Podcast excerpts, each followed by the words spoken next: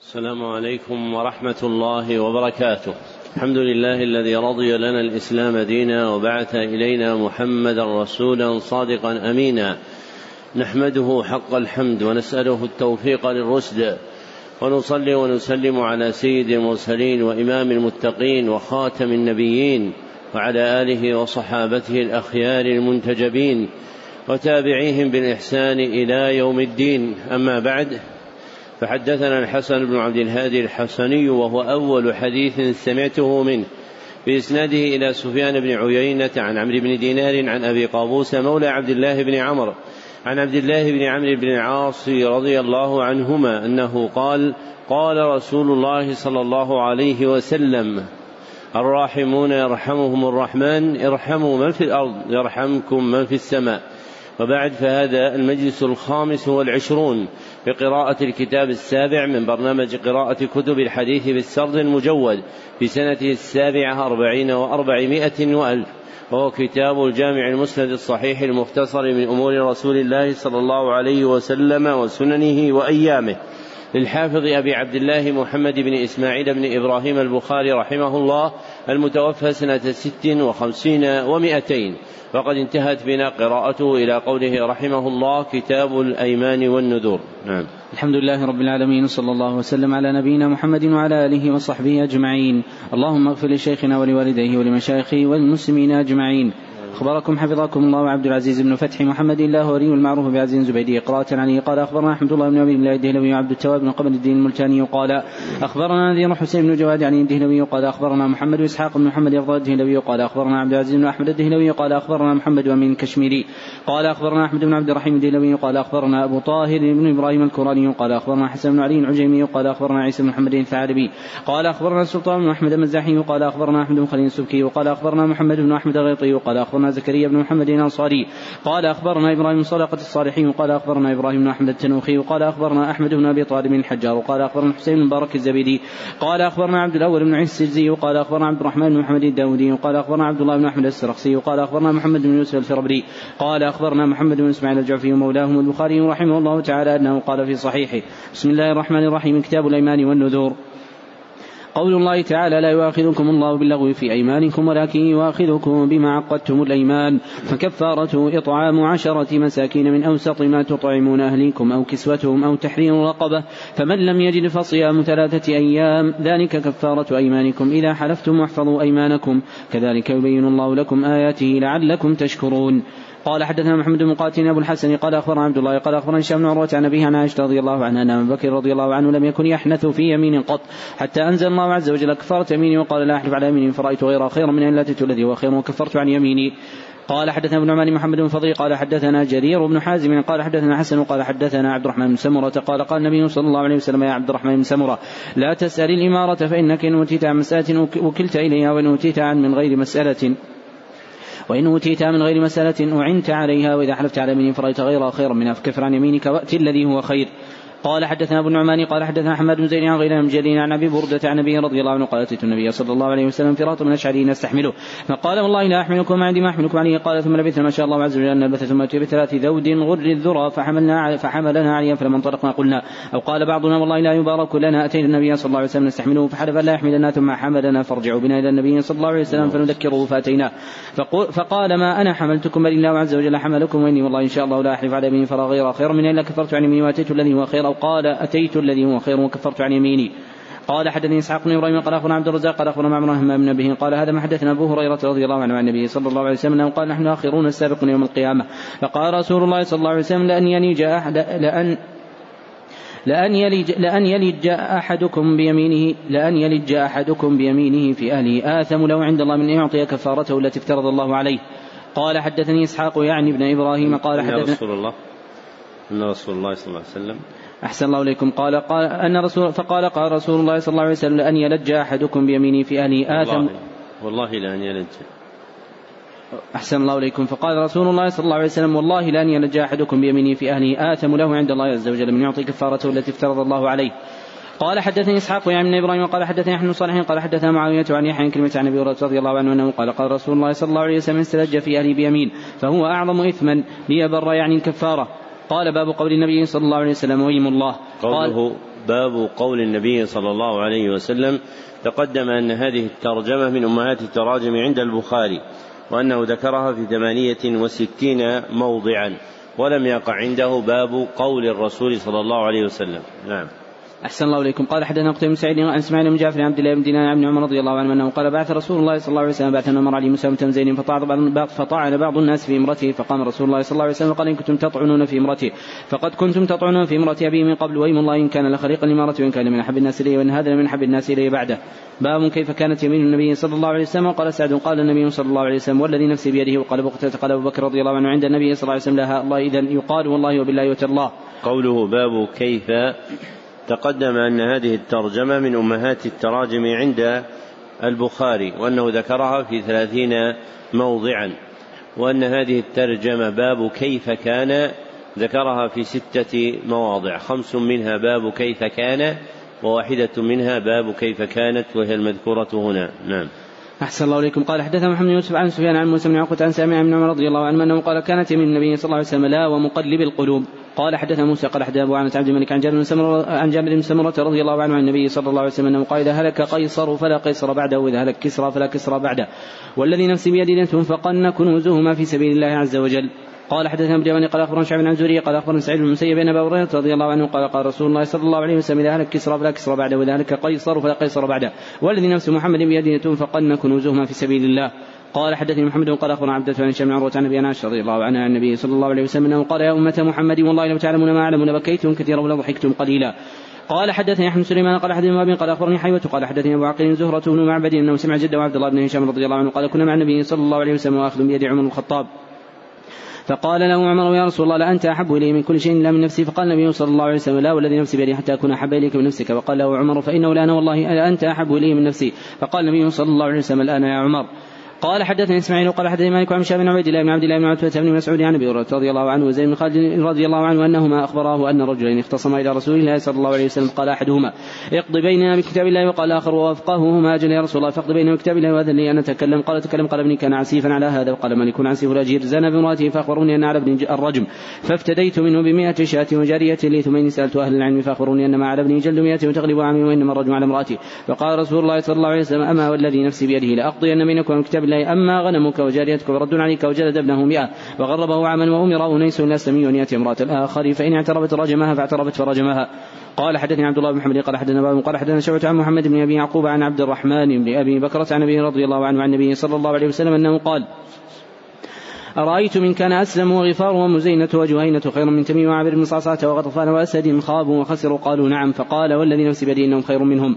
قال حدثنا بلواني قال أخبرنا شعيب عن الزهري قال اخبرني عروة عن أبي حميد السعدي رضي الله عنه اخبره أن رسول الله صلى الله عليه وسلم استعمل عاملا فجاء فجاءه العامل حين فرغ من عمله فقال يا رسول الله هذا لكم وهذا اهدي لي فقال له أفلا قعدت ببيت أبيك وأمك فنظرت أيهدى لك أم لا؟ ثم قام رسول الله صلى الله عليه وسلم عشية بعد الصلاة فتشهد وأثنى على الله ما واهله ثم قال اما بعد؟ ما بال العمل نستعمله فيأتينا فيقول هذا من عملكم وهذا اهدي لي أفلا قعد في بيت ابي وامي فنظر ليهدى له أم لا؟ فوالذي نفس محمد بيده لا يغل أحدكم من اشيء لجا به يوم القيامه يحمل على عنقه كان بعيرا جاء به له رغاء وإن كانت بقرة جاء بها لها خوار وإن كانت شاة جاء بها تيعر. فقد بلغت فقال أبو حميد ثم رفع رسول الله صلى الله عليه وسلم يده حتى إنا لننظر إلى عفرة إبطيه قال أبو حميد وقد سمع ذلك مع زيد بن ثابت من النبي صلى الله عليه وسلم فسألوه قال حدثني إبراهيم موسى قال أخبرني هشام بن يوسف عن همام عن أبي هريرة رضي الله عنه أنه قال قال أبو القاسم صلى الله عليه وسلم والذي نفس محمد بيده لو تعلمون ما علم لبكيتم كثيرا وضحكتم قليلا.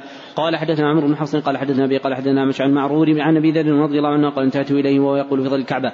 هم الاخسرون رب الكعبة هم الاخسرون رب الكعبة. قلت ما شأني ايرى في شأني ايرى في شيء ما شأني فجلست إليه. وهو يقول فما استطعت أنا أن أسكت وتغشاني ما شاء الله. فقلت من هم بأبي أنت وأمي يا رسول الله. قال اكثرون اموالا إلا من قال هكذا وهكذا وهكذا. قوله عن المعرور تقدم أنه ليس في رواتهم من اسمه المعرور سوى راو واحد هو المعرور بن سويد الكوفي. نعم. أحسن الله إليكم. قال حدثنا من اليمن قال أخبرنا شعيب قال حدثنا أبو الزناد عن عبد الرحمن الأعرج عن أبي هريرة رضي الله عنه أنه قال قال رسول الله صلى الله عليه وسلم قال سليمان عليه الصلاة والسلام لأطوفن الليلة على تسعين امرأة كلهن تأتي بفارس يجاهد في سبيل الله فقال له صاحبه إن شاء الله فلم يقل إن شاء الله. فطاف عليهن جميعا فلم يحمل منهن إلا امرأة واحدة جاءت بشق رجل ويم الذي نفس محمد بيده لو قال إن شاء الله لجاهدوا في سبيل الله فرسان أجمعون. قال حدثنا محمد وقال حدثنا أبو الأحمص عن إسحاق عن البراء بن عازب رضي الله عنه أنه قال اهدي إلى النبي صلى الله عليه وسلم سرقة من حديد وجعل الناس يتداولون بينهم ويعجبون من حسنها ولينها فقال رسول الله صلى الله عليه وسلم تعجبون منها قالوا نعم يا رسول الله قال والذي نفسي بيده لمناديل سعد في الجنة خير منها لم يقل شعبة إسرائيل عن إسحاق والذي نفسي بيده قال حدثني احمد بن قال حدثنا عن يونس بن قال حدثني عروة بن الزبير عن عائشة رضي الله عنها قالت إن هند بنت عتبة بن ربيعة قالت يا رسول الله ما كان على ما كان مما على ظهر الأرض اخبائنا قالت خبائن أحب إلي من أن احب أحب إلي أن يذل من أهل أخبائك أو قالت خبائك شك يحيى ثم أصبح اليوم أهل اخبائنا وقالت خباء أحب إلي من أن يعز من أهل أخبائك أو قالت خبائك قال رسول الله صلى الله عليه وسلم أيضا والذي نفس محمد بيده. قالت يا رسول الله إن ابا سفيان رجل مسيكم فلعلي يحرج أن يطعم من الذي له قال لا الا إلا بالمعروف. قال حدثني أحمد بن عثمان قال حدثني شريح بن مسلمة قال حدثني إبراهيم عن نبي أبي إسحاق أنه قال سمعت عمرو بن ميمون قال حدثني عبد الله بن مسعود رضي الله عنه أنه قال بينما رسول الله صلى الله عليه وسلم مضيف ظهره إلى قبة من أدم يمان إذ قال لأصحابه ترضون أن تكونوا ربع أهل الجنة؟ قالوا بلى. قال فلم ترضوا أن تكونوا ثلث أهل الجنة؟ قالوا بلى. قال فالذي نفس محمد بيده اني لارجو ان تكون نصف أهل الجنة. قوله حدثنا شريح تقدم أن هذا الاسم يأتي عندهم معجما إلا في راويين. أحدهما سريج بن النعمان البغدادي والآخر سريج بن يونس البغدادي. نعم. أحسن الله إليكم. قال حدثنا عبد الله بن مسلمة قال حدث عن مالك عن عبد الرحمن بن عبد الله بن عبد الرحمن عن نبينا بن سعيد رضي الله عنه رجلا سمع رجلا يقرأ قل هو الله أحد يرددها فلما أصبح جاء إلى رسول الله صلى الله عليه وسلم ذكر ذلك له وكأن الرجل يتقال وفق رسول الله صلى الله عليه وسلم النفس بيده إنها لتعدل ثلث القرآن. قال حدثني إسحاق قال أخبرنا حبان قال حدثنا امام قال حدثنا قتادة قال حدثنا أنس بن مالك رضي الله عنه سمع النبي صلى الله عليه وسلم يقول اتم الركوع والسجود فوالذي نفسي بيده إني أراكم بعد ظهري إذا ما ركعتم وإذا ما سجدتم. قال حدثني إسحاق قال حدثنا بن جرير قال أخبرنا شعبة عن شام زيد عن مالك رضي الله عنه امرأة من الانصار أتت النبي صلى الله عليه وسلم معها أولاد لها. فقال النبي صلى الله عليه وسلم للنفس بيده إنكم أحب الناس إلي. قالها ثلاث مرار.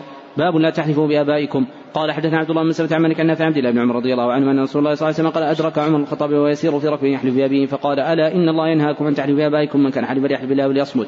قال حدثنا سعيد بن عفان قال حدثنا وهب قال حدثنا ابن وهب عن يوسف بن شهاب قال قال سالم قال ابن عمر رضي الله عنه سمعت عمر رضي الله عنه يقول قال لي رسول الله صلى الله عليه وسلم إن الله ينهاكم أن تعلموا بآبائكم. قال عمر رضي الله عنه فوالله ما حلفت بها سمعت النبي صلى الله عليه وسلم ذاكرا ولا آثرا. قال مجاهد أو آثرة من علم يأثر علما. تابع موقن والزبير واسحاق الكبير عن الزهري وقال معي معمر عن الزهري عن سمع ابن عمر رضي الله عنه أنه سمع النبي صلى الله عليه وسلم قال سمع النبي صلى الله عليه وسلم عمر.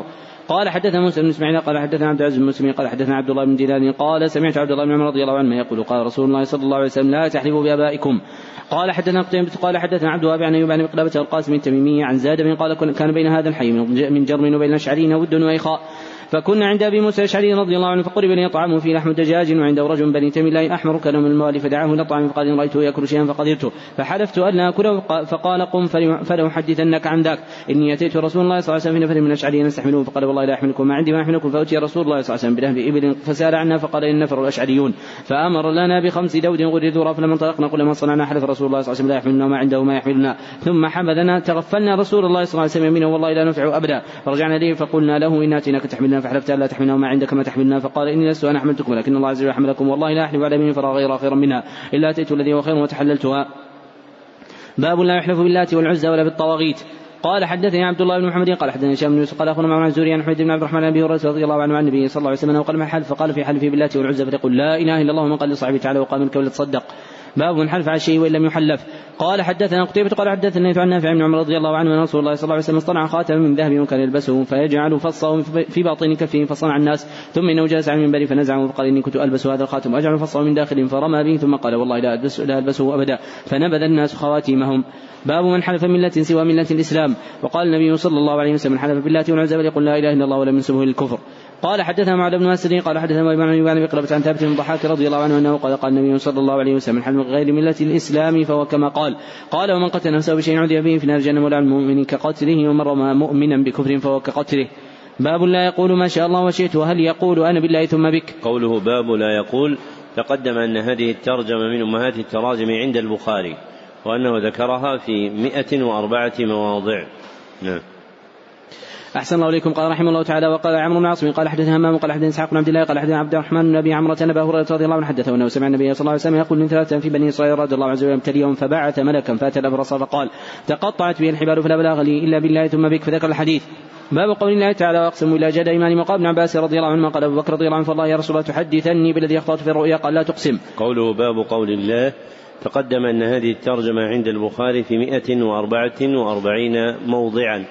ووقع عنده في مائة واحد وسبعين موضعا ترجمته بقوله باب قوله تعالى نعم. أحسن الله إليكم. قال حدثنا قبيصة قال حدثنا سفيان عن أشعث عن معاوية بن سيد مقرن عن البراء رضي الله عن النبي صلى الله عليه وسلم. قال وحدثني محمد بن قال حدثنا غدر قال حدثنا شعبة عن أشعث عن معاوية بن سويد مقرن عن البراء رضي الله عنه قال أمر النبي صلى الله عليه وسلم بإبراء المقسم. قال حدثنا حفص بن عمر قال حدثنا شعبة قال أخبرنا عاصم الأحول قال سمعت أبو عثمان يحدث عن سلمة رضي الله عنه ابنة لرسول الله صلى الله عليه وسلم أرسلت إليه مع رسول الله صلى الله عليه وسلم سلمة بن زيد وسعد وأبي أن ابني قد احتضر فاشهد فاشهدنا فأرسل يقرأ السلام ويقول إن لله ما أخذ وما أعطى وكل شيء عنده مسمى فلتصبر وتحتسب فأرسلت إليه تقسم عليهم فقام وقمنا معه فلما قعد ورفع إليه فقعده في حجره ونفس الصبي يتقاقع ففاضت عين رسول الله صلى الله عليه وسلم وقال سعد ما هذا يا رسول الله؟ قال هذا رحمة يضع الله عز وجل في قلوب من يشاء من عباده وإنما يرحم الله عز وجل من عباده الرحماء. قوله في الإسناد المتقدم حدثنا غندر تقدم أن هذا لقب راو واحد من رواتهم يذكر به واسمه محمد بن جعفر البصري. نعم. أحسن الله إليكم. قال حدثني إسماعيل وقال حدثني مالك عن شهاب عن ابن المسيب عن أبي هريرة رضي الله عنه أن رسول الله صلى الله عليه وسلم قال يموت لأحد من المسلمين ثلاثة من ولد تمسه النار إلا تحلة قسم قال حدثنا محمد بن قال حدثني غدر قال حدثنا شعبة عن معبد بن خالد قال سمعت حارث بن وهب قال سمعت النبي صلى الله عليه وسلم يقول أدلك على أهل الجنة. كل ضعيف متضعف وأقسم على الله لا بر وأهل النار. كل جواظ عتل مستكبر باب إذا قال أشهد بالله أو قال شهدت بالله. باب إذا قال أشهد بالله أو شهدت بالله قال حدثنا سعد بن حفص قال حدثنا شيبان عن منصور عن إبراهيم عن بيدة عبد الله رضي الله عنه قال سئل النبي صلى الله عليه وسلم اي الناس خير قال قرني ثم الذين يلونهم ثم الذين يلونهم ثم يجيء قوم تسبق شهادة احدهم يمينه ويمينه شهادة قال إبراهيم كان أصحابنا ينهوننا ونحن غلمان أن نحلف بالشهادة والعهد. قوله حدثنا شيبان تقدم أن هذا الاسم عندهم عند الإطلاق هو لشيبان بن عبد الرحمن التميمي. نعم. أحسن الله إليكم. قال رحمه الله تعالى باب عهد الله عز وجل. قال حدثني محمد بن بشار قال حدثنا أبي عدي عن شعبة عن سليمان ومنصور عن أبي وائل عبد الله رضي الله عنه عن النبي صلى الله عليه وسلم أنه قال من حلف على من كاذبة ليقتطع بها مال رجل مسلم أو قال أخي لقي الله عز وجل وعليه غضبان فأنزل الله عز وجل تصديقه إن الذين يشترون بعهد الله. قال سليمان في حديثه مر الأشعث بن قيس قال ما حديثكم عبد الله؟ قالوا له فقال الأشعث نزلت في وفي صاحب لي في بئر كانت بيننا قوله عن أبي وائل تقدم أن هذه الكنية عندهم عند الإطلاق لأبي وائل الكوفي واسمه شقيق بن سلمة الأسدي. نعم. أحسن الله إليكم. قال رحمه الله تعالى باب الحلف باب الحلف بعزة الله وصفاته وكلماته. وقال ابن عباس رضي الله عنهما كان النبي صلى الله عليه وسلم يقول أعوذ بعزتك. وقال أبو هريرة رضي الله عنه عن النبي صلى الله عليه وسلم قال يبقى رجل بين الجنة والنار. فيقول يا رب اصرف وجه النار. لا وعزتك لا أسألك غيرها. وقال أبو سعيد قال النبي صلى الله عليه وسلم قال الله لك ذلك. وعشرة أمثال. وقال أيوه وعزتك لا غنى بي عن بركتك. قال حدثنا آدم قال حدثنا شيبان قال حدثنا قتادة عن سمانك رضي الله عنه قال قال النبي صلى الله عليه وسلم لا تزال الجنة تقول هل من مزين حتى يضع رب العزة فيها قدمه؟ فتقول قد قط عزتك ويزوى بعضها إلى بعض. رواه شعبة عن قتادة. باب قول الرجل لعمر الله قال ابن عباس لعمرك لعيشك. قوله باب قول الرجل تقدم أن هذه الترجمة من أمهات التراجم عند البخاري. وأنه ذكرها في ثلاثة عشر موضعا. نعم. أحسن الله إليكم. قال حدثنا ويسي قال حدثنا إبراهيم عن صالح بن قال حدثنا حجاج قال حدثنا عبد الله بن عمر النميري قال حدثنا يوسف قال سمعت زهريا قال سمعت عروة بن الزبير وسعيد بن المسيب عن قمة بن وقاص عبد الله بن عبد الله عن حديث عائشة رضي الله عنها زوج النبي صلى الله عليه وسلم قال لها كما قالوا. فبرأ الله عز وجل. كل حدثني طائفة من الحديث فقام النبي صلى الله عليه وسلم استعذر من عبد الله بن أبي فقام بن حضير رضي الله عنه فقال لسعد بن عبادة رضي الله عنه لعمر الله نقتلنه. باب لا يؤاخذكم الله باللغو في أيمانكم ولكن يؤاخذكم بما كسبت قلوبكم. الله غفور حليم. قال حدثني محمد بن قال حدثني يحيى بن شام قال أخبرني أبي عائشه رضي الله عنها في قول الله تعالى لا يؤاخذكم لا يؤاخذكم الله باللغو. قال قالت أنزلت في قوله لا, لا والله وبلا والله. باب إذا حنثنا أو حنث ناسيا في الأيمان وقول الله تعالى وليس عليكم جناح فيما أخطأتم به. وقال لا تؤاخذني ما نسيت. قال حدثني خلا قال حدثنا خلاد بن يحيى قال حدثنا مسعر قال حدثنا قتادة قال حدثنا زرعة ابن أوفى. عن أبي هريرة رضي الله عنه رفعه قال إن الله جاوز أمة عما وسوست أو قال أو حدثت به أنفسها ما لم تعمل به أو تكلم. قوله حدثنا مسعر تقدم أنه ليس في رواته من اسمه مسعر سوى مسعر بن كدام الهلالي. نعم. أحسن الله إليكم. قال حدثنا عثمان بن الهيثمي ومحمد عنه عن المجرد قال سمعت من شاب يقول حدثني عيسى بن طلحة عبد الله بن عمرو العاص رضي الله عنه حدثه النبي صلى الله عليه وسلم هو يخطب يوم النحر قام رجل قال كنت أحسب يا رسول الله كذا وكذا قبل كذا وكذا ثم قام آخر وقال يا رسول كنت أحسب كذا وكذا لهؤلاء الثلاث. فقال النبي صلى الله عليه وسلم افعل ولا حرج لهن كلهن يومئذ فما سئل يومئذ عن شيء لا قال افعل ولا حرج. قال حدثنا أحمد بن قال حدثنا أبو بكر عبد العزيز بن رفيع عن طائر عبد عباس رضي الله عنه قال قال رجل النبي صلى الله عليه وسلم قبل أرمي قال لا حرج. قال آخر احرقت قبل أن أذبح قال لا حرج. قال آخر ذبحت قبل أرمي قال لا حرج. قال حدثني إسحاق بن منصور قال حدثنا أبو سامة قال حدثنا عبيد الله بن عمر عن سعيد بن أبي سعيد عن أبي رضي الله عنه رجلا دخل المسجد يصلي ورسول الله صلى الله عليه وسلم من المسجد فجاء وسلم عليه فقال ارجع فصلي فإنك لم تصلي فرجع فصلى ثم سلم قال وعليك أرجع وعليك ارجع فصلي فإنك لم تصلي قال في فاعلمني قال إذا قمت إلى الصلاة فأسرع الوضوء ثم استقبل قولته وكبر وقرأ ما تيسر معك من القرآن ثم اركع حتى تطمئن راكعة ثم ارفع رأسك حتى تعتدل قائما ثم اسجد حتى تطمئن ساجدا ثم ارفع حتى تستوي وتطمئن جالسا ثم اسجد حتى تطمئن ساجدا ثم ارفع حتى قائما ثم بعد ذلك في صلاتك كلها. قال حدثنا فروة بن أبي المغراء قال حدثنا عن المسلمين قال هشام بن عروة عن أبي عائشة رضي الله عنها قالت هزم المشركون يوم أحد هزيمة تعرف فيهم فصرخ إبليس عباد الله اخراكم فرجعت لهم فاجتلت هي اخراهم فنظر حذيفة بن رضي الله عنه فاذا هو بأبيه فقال أبي أبي قالت فوالله من حجزوا حتى قتلوه فقال حذيفة رضي الله عنه غفر الله لكم قال عمر فوالله ما زاد في حذيفة منها بقية حتى لقي, لقي الله عز وجل قال حدثني مسلم موسى قال حدثنا مسلم قال حدثني عن عن خلاص محمد عن أبي رضي الله عنه أنه قال قال النبي صلى الله عليه وسلم من أكل الناس يوم صائم فليتم صومه فإن مطعم الله وسقاه. قوله عن خلاس تقدم أنه ليس في رواة من اسمه خلاس سوى راو واحد هو خلاس بن عمرو الهجري. قوله حدثنا أبو أسامة تقدم أن هذه الكنية عندهم عند الإطلاق هي لأبي أسامة الكوفي واسمه حماد بن أسامة. نعم. أحسن الله إليكم. قال رحمه الله تعالى حدثنا آدم بن أبي ياسين قال حدثنا أبي ذئب عن زوري عن عرج عبد الله بن حينة رضي الله عنه قال صلى بنا النبي صلى الله عليه وسلم قام ركعتين أولين قبل أن يجلس ومضى في صلاته فلما قضى صلاته انتظر الناس تسليمه فكبر وسجد قبل أن يسلم ثم رفع رأسه ثم كبر وسجد ثم رفع رأسه وسلم. قوله عن عبد الله بن بحينة تقدم أن بحينة أمه واسمه عبد الله ابن مالك له ولأبيه أحاديث. نعم. أحسن الله إليكم. قال حدثني إسحاق بن إبراهيم أنه سمع عبد العزيز بن عبد الصمد قال حدث منصور عن إبراهيم عن قمة عن مسعود رضي الله عنه أن النبي الله أن النبي الله صلى الله عليه وسلم صلى بهم صلاة الظهر فزاد ونقص منها. قال منصور لا أدري. إبراهيم وهما مع القمة. وقال قل يا رسول الله أقص أقصرت الصلاة أم نسيت؟ قال وما ذاك؟ قالوا صليت كذا وكذا. قال سجد بهم سجدتين ثم قال أتاني سجدتين لمن لا يدري زاد في الصلاة أو نقص ويتحرى الصواب فيتم ثم فيتم ما بقي ثم يسجد سجدتين قال حدث حميدي وقال حدثنا سفيان وقال حدثنا عمرو بن دينار قال أخبرني سعيد بن جبير قال قلت ابن عباس رضي الله عنه قال حدثنا أبي بن كعب رضي الله عنه سمع رسول الله صلى الله عليه وسلم يقول لا تؤاخذني ما نسيت ولا ترقني في قوله تعالى لا تؤاخذني ما نسيت ولا ترقني من ابن عسى. قال كانت الأولى من موسى نسيانا. قال أبو عبد الله كتب لي محمد بن قال حدثنا معاذ بن علي قال حدثنا ابن عون عن الشعبي قال قال البراء بن عازب رضي الله عنه وكان عندهم ضيف لهم فامره فامر اهله أن يذبحوا قبل أن يرجع ليأكل ضيفهم فذبحوا الصلاة فذكروا ذلك النبي صلى الله عليه وسلم فامر ان يعيد الذبح. فقال يا رسول الله عندي عناق جذع عناق لبن هي خير من شاتي لحم. فكان معه يقف في هذا المكان عن حديث الشعبي وحديث عن محمد سيرين مثل هذا الحديث. ويقف في هذا المكان ويقول لا أدري ابلغت الرخصة غيره أم لا. رواه أيوب عن ابن يسير عن أنس رضي الله عنه عن النبي صلى الله عليه وسلم. قوله عن الشعبي تقدم أن هذه نسبة جماعة من رواتهم وأن المراد به عند الإطلاق هو عامر بن شراحيل الشعبي. نعم. أحسن الله إليكم. قال رحمه الله تعالى حدثنا سليمان بن حرب قال عبد شعبة عن الأسود بن قيس قال سمعت جندب رضي الله عنه قال شهدت النبي صلى الله عليه وسلم صلى يوم عيد ثم خطوة ثم قال من ذبح فليبدل من كان ومن لم يكن ذبح فليذبح. بسم الله. باب اليمين الغموس وقوله تعالى ولا تتخذوا أيمانكم دخلا من بينكم فتزل قدم بعد ثبوتها وتذوقوا السوء بما صددتم عن سبيل الله ولكم عذاب عظيم. دخل مكرا وخيانة. قوله باب اليمين هذه الترجمة من أمهات التراجم عند البخاري. ذكرها بهذا اللفظ في أربعة مواضع. وقال في موضع خامس باب يمين واليمين الغموس هي اليمين الكاذبة التي يقتطع بها حق لغيره. هي اليمين الكاذبة التي يقتطع بها حق لغيره. نعم. أحسن الله إليكم. قال رحمه الله تعالى حدثنا محمد بن قاتل قال أخبرنا نضر قال أخبرنا شعبة قال حدثنا فراس قال سمعت الشعبي عبد الله بن عمرو رضي الله عنه عن النبي صلى الله عليه وسلم أنه قال الكبائر الإشراك بالله وعقوق الوالدين وقتل النفس واليمين الغموس. باب قول الله تعالى إن الذين يشترون بعد الله بأيمانهم ثمنا قليلا أولئك لا خلاق لهم في الآخرة ولا يكلم الله لا ينظر إليهم يوم القيامة ولا يزكيهم ولهم عذاب أليم. وقوله جل ذكره جعل الله عرضة لأيمانكم أن تبروا وتتقوا وتصلحوا بين الناس والله سميع عليم. وقوله جل ذكره لا تشتروا بعهد الله ثمنا قليلا إنما عند الله هو خير لكم إن كنتم تعلمون. وقوله وأوفوا بعهد الله إذا عهدتم ولا تنقضوا الأيمان بعد توكيدها وقد جعلتم الله عليكم كفيلا. قال حدثنا موسى بن إسماعيل قال حدثنا أبو عن عن ابي عبد الله رضي الله عنه قال قال رسول الله صلى الله عليه وسلم حلف عليه من صبر يقتطع به مال امرئ مسلم لقي الله عز وجل وعليه غضبان فأنزل الله عز وجل تصديق ذلك إن الذين يشترون بعد الله ايمانهم ثمنا قليلا إلى آخر الآية فدخل اشعث بن قيس فقال ما حدثكم عبد الرحمن؟ فقالوا كذا وكذا قال في انزلت كانت لي في كانت لي بئر في أرض ابن عم لي.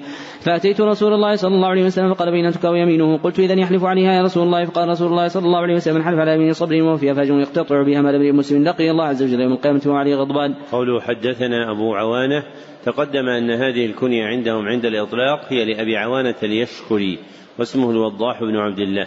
نعم. أحسن الله إليكم. قال رحمه الله تعالى باب اليمين فيما, فيما لا يملك في المعصية وفي الغضب قال حدثني محمد بن علاء قال حدثنا مسامة عن مراد عن أبي هريرة عن موسى رضي الله عنه قال أرسلني أصحابي إلى النبي صلى الله عليه وسلم اساله الحملان فقال والله لا أحملكم على شيء وافقته وغضبان فلما أتيت قال انطلق إلى اصحابك فقل إن الله أو إن رسول الله صلى الله عليه وسلم يحملكم قال حدثنا عبد العزيز قال حدثني إبراهيم عن صالح بن شهاب قال حدثنا حجاج قال حدثنا عبد الله بن عمر الدميري قال حدثنا يوسف بن يزيد الليلي قال حد قال سمعت الزهري قال سمعت عروة بن الزبير وسعيد بن المسيب. وعلقمة بن وقاص وعبيد الله بن عبد الله بن عتبة عن حديث عائشة رضي الله عن زوج النبي صلى الله عليه وسلم قال أهل الإفك ما قالوا فر الله عز وجل ما قالوا. كل حدثني طائفة من حديث فأنزل الله عز وجل إن الذين جاءوا بالإفك العشر آيات كلها في براءتي. فقال أبو بكر الصديق رضي الله عنه كان ينفق على مصطح لقرابته منه والله لا ينفق على مصطح شيئا أبدا. بعد الذي قال لعائشة رضي الله عنها فأنزل الله عز وجل ولا يتري من الفضل منكم والساعة أن يؤتوني القربى الآية. قال أبو بكر رضي الله عنه بلى والله إني لا أحب أن يغفر الله لي. فرجع إلى مصطح النفقة التي كان ينفق عليه وقال والله لا أنزعها عنه أبدا. قال حدثنا معمر قال حدثنا عبد الوهاب قال حدثنا أيوب عن قاسم عن زهد قال كنا عند أبي موسى الأشعري رضي الله عنه قال أتيت رسول الله صلى الله عليه وسلم بن الاشعري فوافقته وغضبان فاستحملنا فحل فلا يحملنا. ثم قال والله إن شاء الله لا أحلف عليه فرا غير خير منها إلا أتيت الذي هو خير وتحللتها باب إذا قال والله لا تكلمني وهو صلى أو قرا أو سبح أو كبر أو حمد أو هلل فهو على نيته. وقال النبي صلى الله عليه وسلم أفضل الكلام أربعون سبحان الله والحمد لله ولا إله إلا الله والله أكبر. قال أبو سفيان كتب النبي صلى الله عليه وسلم إلى هرقل تعالوا إلى كلمة سواء بيننا وبينكم. وقال مجاهد كلمة التقوى لا إله إلا الله. قال حدثنا ابن قال أخبرنا شعب بن الزهري قال أخبرنا سعد بن سيف به قال لما حضرت أبا طالب الوفاة جاءه رسول الله صلى الله عليه وسلم قال قل لا إله إلا الله كلمة أحاج لك بها عند الله. قال حدثنا قتيبة بن سعيد قال حدثنا حدثنا محمد بن فضيل قال حدثنا عمارة بن قعقاع عن أبي زرعة عن أبي هريرة رضي الله عنه أنه قال قال رسول الله صلى الله عليه وسلم كلمتان خفيفتان عن اللسان ثقيلتان في الميزان حميدتان الرحمن سبحان الله وبحمده سبحان الله العظيم. قال حدثنا موسى بن إسماعيل قال حدثنا عبد الواحد قال حدثنا عن شقيق عبد الله رضي الله عنه أنه قال قال رسول الله صلى الله عليه وسلم كلمة وقلت أخرى من مات يجعل الله ندا أدخل النار. وقلت أخرى من مات لا يجعل الله ندا أدخل الجنة. باب حلف لا يدخل على أهله شر وكان شر 29 قال حدثنا عبد العزيز بن عبد الله قال حدثنا سليمان بن عن حميد عن أنس رضي الله عنه أنه قال آل رسول الله صلى الله عليه وسلم نساء كانت انفكت رجله فقام في مشروبة 29 ليلة. فقام في مشروبة 29 ليلة ثم نزل فقال يا رسول الله لا تشارا فقال إن شاء الله يكون 29 باب من حلف ان لا يشرب النبي اذا شرب طلاء أو سكرا أو عصيرا لم يحنث في قول بعض الناس وليست هذه بأنبذة عنده. قال حدثني عن يونس أنه سمع عبد العزيز بن أبي حازم قال أخبرني أبي عن سعد بن سعد رضي الله عنه سيرين صاحب النبي صلى الله عليه وسلم رضي الله عنه وأعرس فدعا النبي صلى الله عليه وسلم عرسه فكانت فكانت العروس خادمهم. فقال سالم قبل تدرون ما سقته؟ قال انقعت له تمرا في تور من الليل حتى أصبح عليه فسقته إياه. قال حدثنا محمد قاتل قال أخبرنا عبد الله قال اخبرنا إسماعيل بن أبي خالد عن شعبي عن كلمة عن عباس رضي الله عنه عن سودة رضي الله عن زوج النبي صلى الله عليه وسلم أنها قالت ماتت لنا شاة فدبغنا مسكها.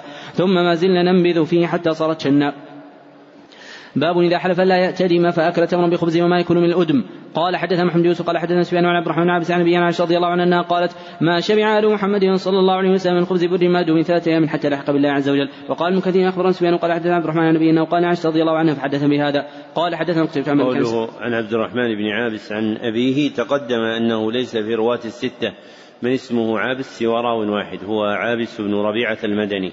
نعم.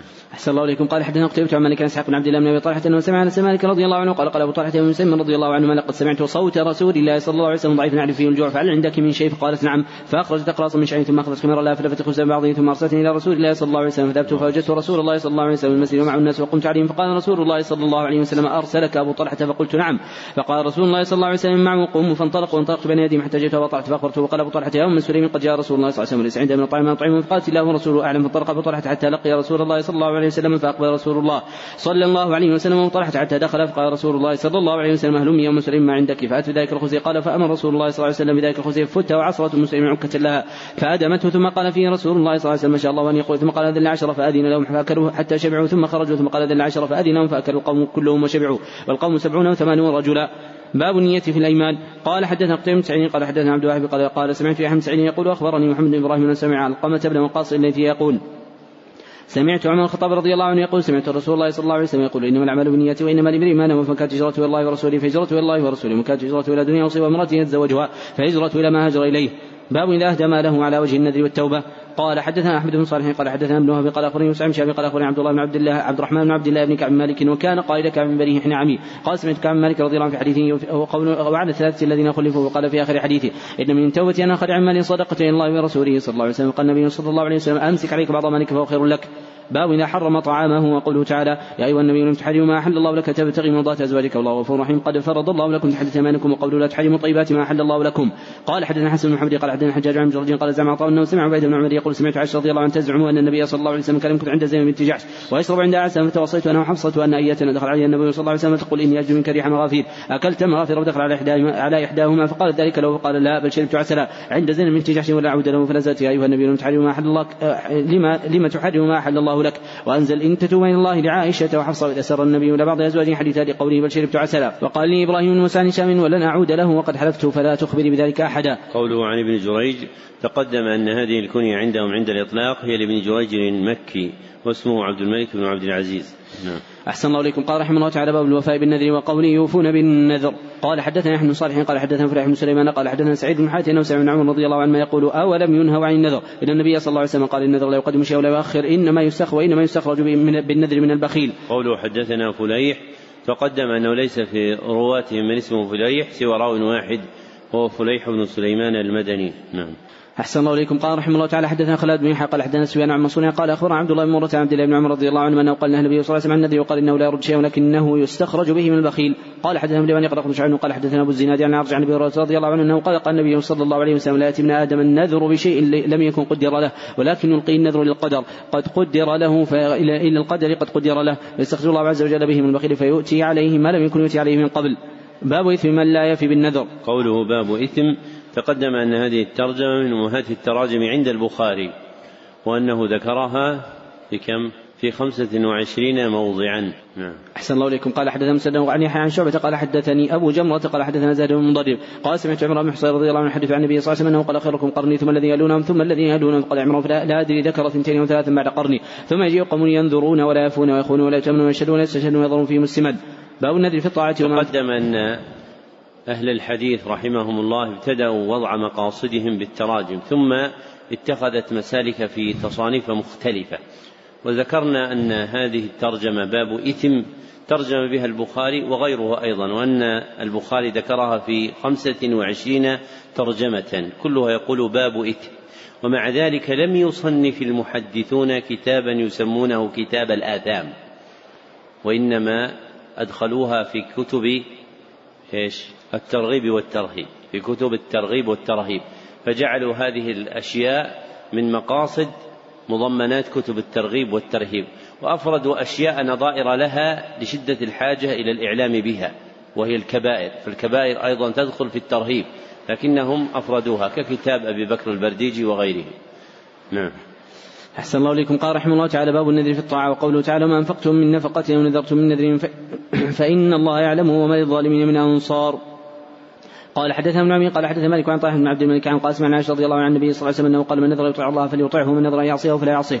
باب إذا نذر أو حلف الا يكلم الإنسان في الجاريه ثم أسلم. قال حدثنا محمد بن أبو الحسن قال أخونا عبد الله قال أخونا عبد الله بن عمر عن بن عمر رضي الله عنه عمر رضي الله عنه قال يا رسول الله نذرت في الجاريه عندك في ليلة المسجد الحرام قال أوفي من نذرك. باب مات عليه نذر وأمر ابن عمر رضي الله عنه امرأة جعلت أمها على نفسها وأمر ابن عمر رضي الله عنه امرأة جعلت أمها على نفسها صلاة بقباء فقال صلي عنها. وقال ابن عباس وذكر نحوه. قال حدثنا أبو اليماني قال أخبرنا شعب عن الزهري قال أخبرني عبيد الله عن عبد الله بن عبد الله بن عباس رضي الله عنه أخبره أن سعد بن عباده الانصاري استفتى النبي صلى الله عليه وسلم في الذي كان على أمه فتوفت قبل أن تقضيه فافتاه أن يقضيه عنها فكانت سنة بعد. قال حدثنا آدم قال عبد شعبة عن بشير قال سمعت سعيد بن جبير عن عباس رضي الله عنه قال أتى رجل النبي صلى الله عليه وسلم وقال له إن أختي نذرت الحجة وإن ماتت. فقال النبي صلى الله عليه وسلم لو كان عليها دين أن كنت قاضيه. قال نعم قال فاقضي الله فهو أحق بالقضاء. باب النذر فيما لا يملك وفي معصية. قال حدثنا أبو عاصم عن مالك عن طاعه بن عبد بن عبد الملك عن قاسم عن عائشة رضي الله عنها قالت قال النبي صلى الله عليه وسلم إذا يطيع الله فيطعم ومن نذر أن يعصيه فلا يعصيه. قال حدثنا مسدد قال حدثنا عن حميد عن ثابت عن أنس رضي الله عنه عن النبي صلى الله عليه وسلم أنه قال إن الله لغني عن تعذيب هذا نفسه ورآه يمشي بين ابنيه وقال فز وقال فزاري عن حميد قال حدثني ثابت عن أنس رضي الله عنه قال حدثنا أبو عاصم عن جرج عن سليمان الاحوري عن طاووس عن عباس رضي الله عنه النبي صلى الله عليه وسلم رجل يطوف بالكعبه بزمام أو غيره فقطعه. قال حدثني إبراهيم بن موسى قال أخبرني هشام بن مجرد أخبرهم قال أخبرني سليمان الاحمد طاووس أخبر وعن عباس رضي الله عنه النبي صلى الله عليه وسلم مر يطوف بالكعبة بانسان يقود إنسانا بخزامة في أنفه فقطع النبي صلى الله عليه وسلم بيده ثم أمره أن يقوده بيده. قال حدثنا موسى بن إسماعيل قال حدثنا وإيم قال حدثنا أيوب عن كلمة عن عباس رضي الله عنه قال بين النبي صلى الله عليه وسلم يخطب إذا هو فرجل قال يسأل عنه فقال وأبو إسرائيل نذر أن يقوم ولا يقعد ولا يستظل ولا يتكلم ويصوم. فقال النبي صلى الله عليه وسلم مروا فليتكلم ويستظل ولا يقعد ويتم صومه. وقال عبد الوهاب حدثني أيوب عن كلمة عن النبي صلى الله عليه وسلم باب النذر يصوم أياما فوافق النحر والفطر قال حدثنا محمد بن أبي بكر المقدمي قال حدثنا فضيل بن سليمان قال حدثنا موسى بن عقبة قال حدثنا حكيم بن أبي حرة الأسلمي أنه سمع عبد الله بن عمر رضي الله عنهما سئل عن رجل نذر أن لا يأتي عليه يوم إلا صام فوق يوم أضحى وفطر فقال لقد كان لكم في رسول الله اسوه حسنه لم يكن يصوم يوم الاضحى والفطر ولا يرى صيامهما. قال حدثنا عبد الله بن سلمة قال حدثنا زيد بن زريع قال حد عن يوسف عن زياد بن جبير قال كنت مع ابن عمر رضي الله عنه سأله رجل قال نذرت أن أصوم كل يوم كل يوم ثلاثاء أو أربعاء.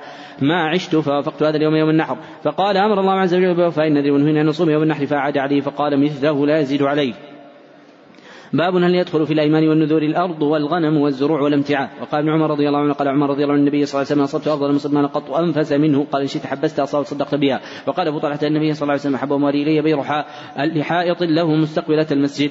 قال حدثنا إسماعيل قال حدثنا مالك وحدثني مالك عن ثور بن زيد الديني عن بغيث مولى بن مطيع عن أبي هريرة رضي الله عنه قال خرج مع رسول الله صلى الله عليه وسلم من خيبر فلم نغنم ذهب ولا فضة إلا ولا ثياب ولا متاع فهذا رجل من بني ضبيب يقال له رفاعه بن زيد لرسول الله صلى الله عليه وسلم غلاما يقال له مدعم. فوجه رسول الله صلى الله عليه وسلم إلى وادي القرى حتى إذا كان وادي القرى بينما مدعم يحط رحلا لرسول الله صلى الله عليه وسلم إذا سهم عاير فقتله.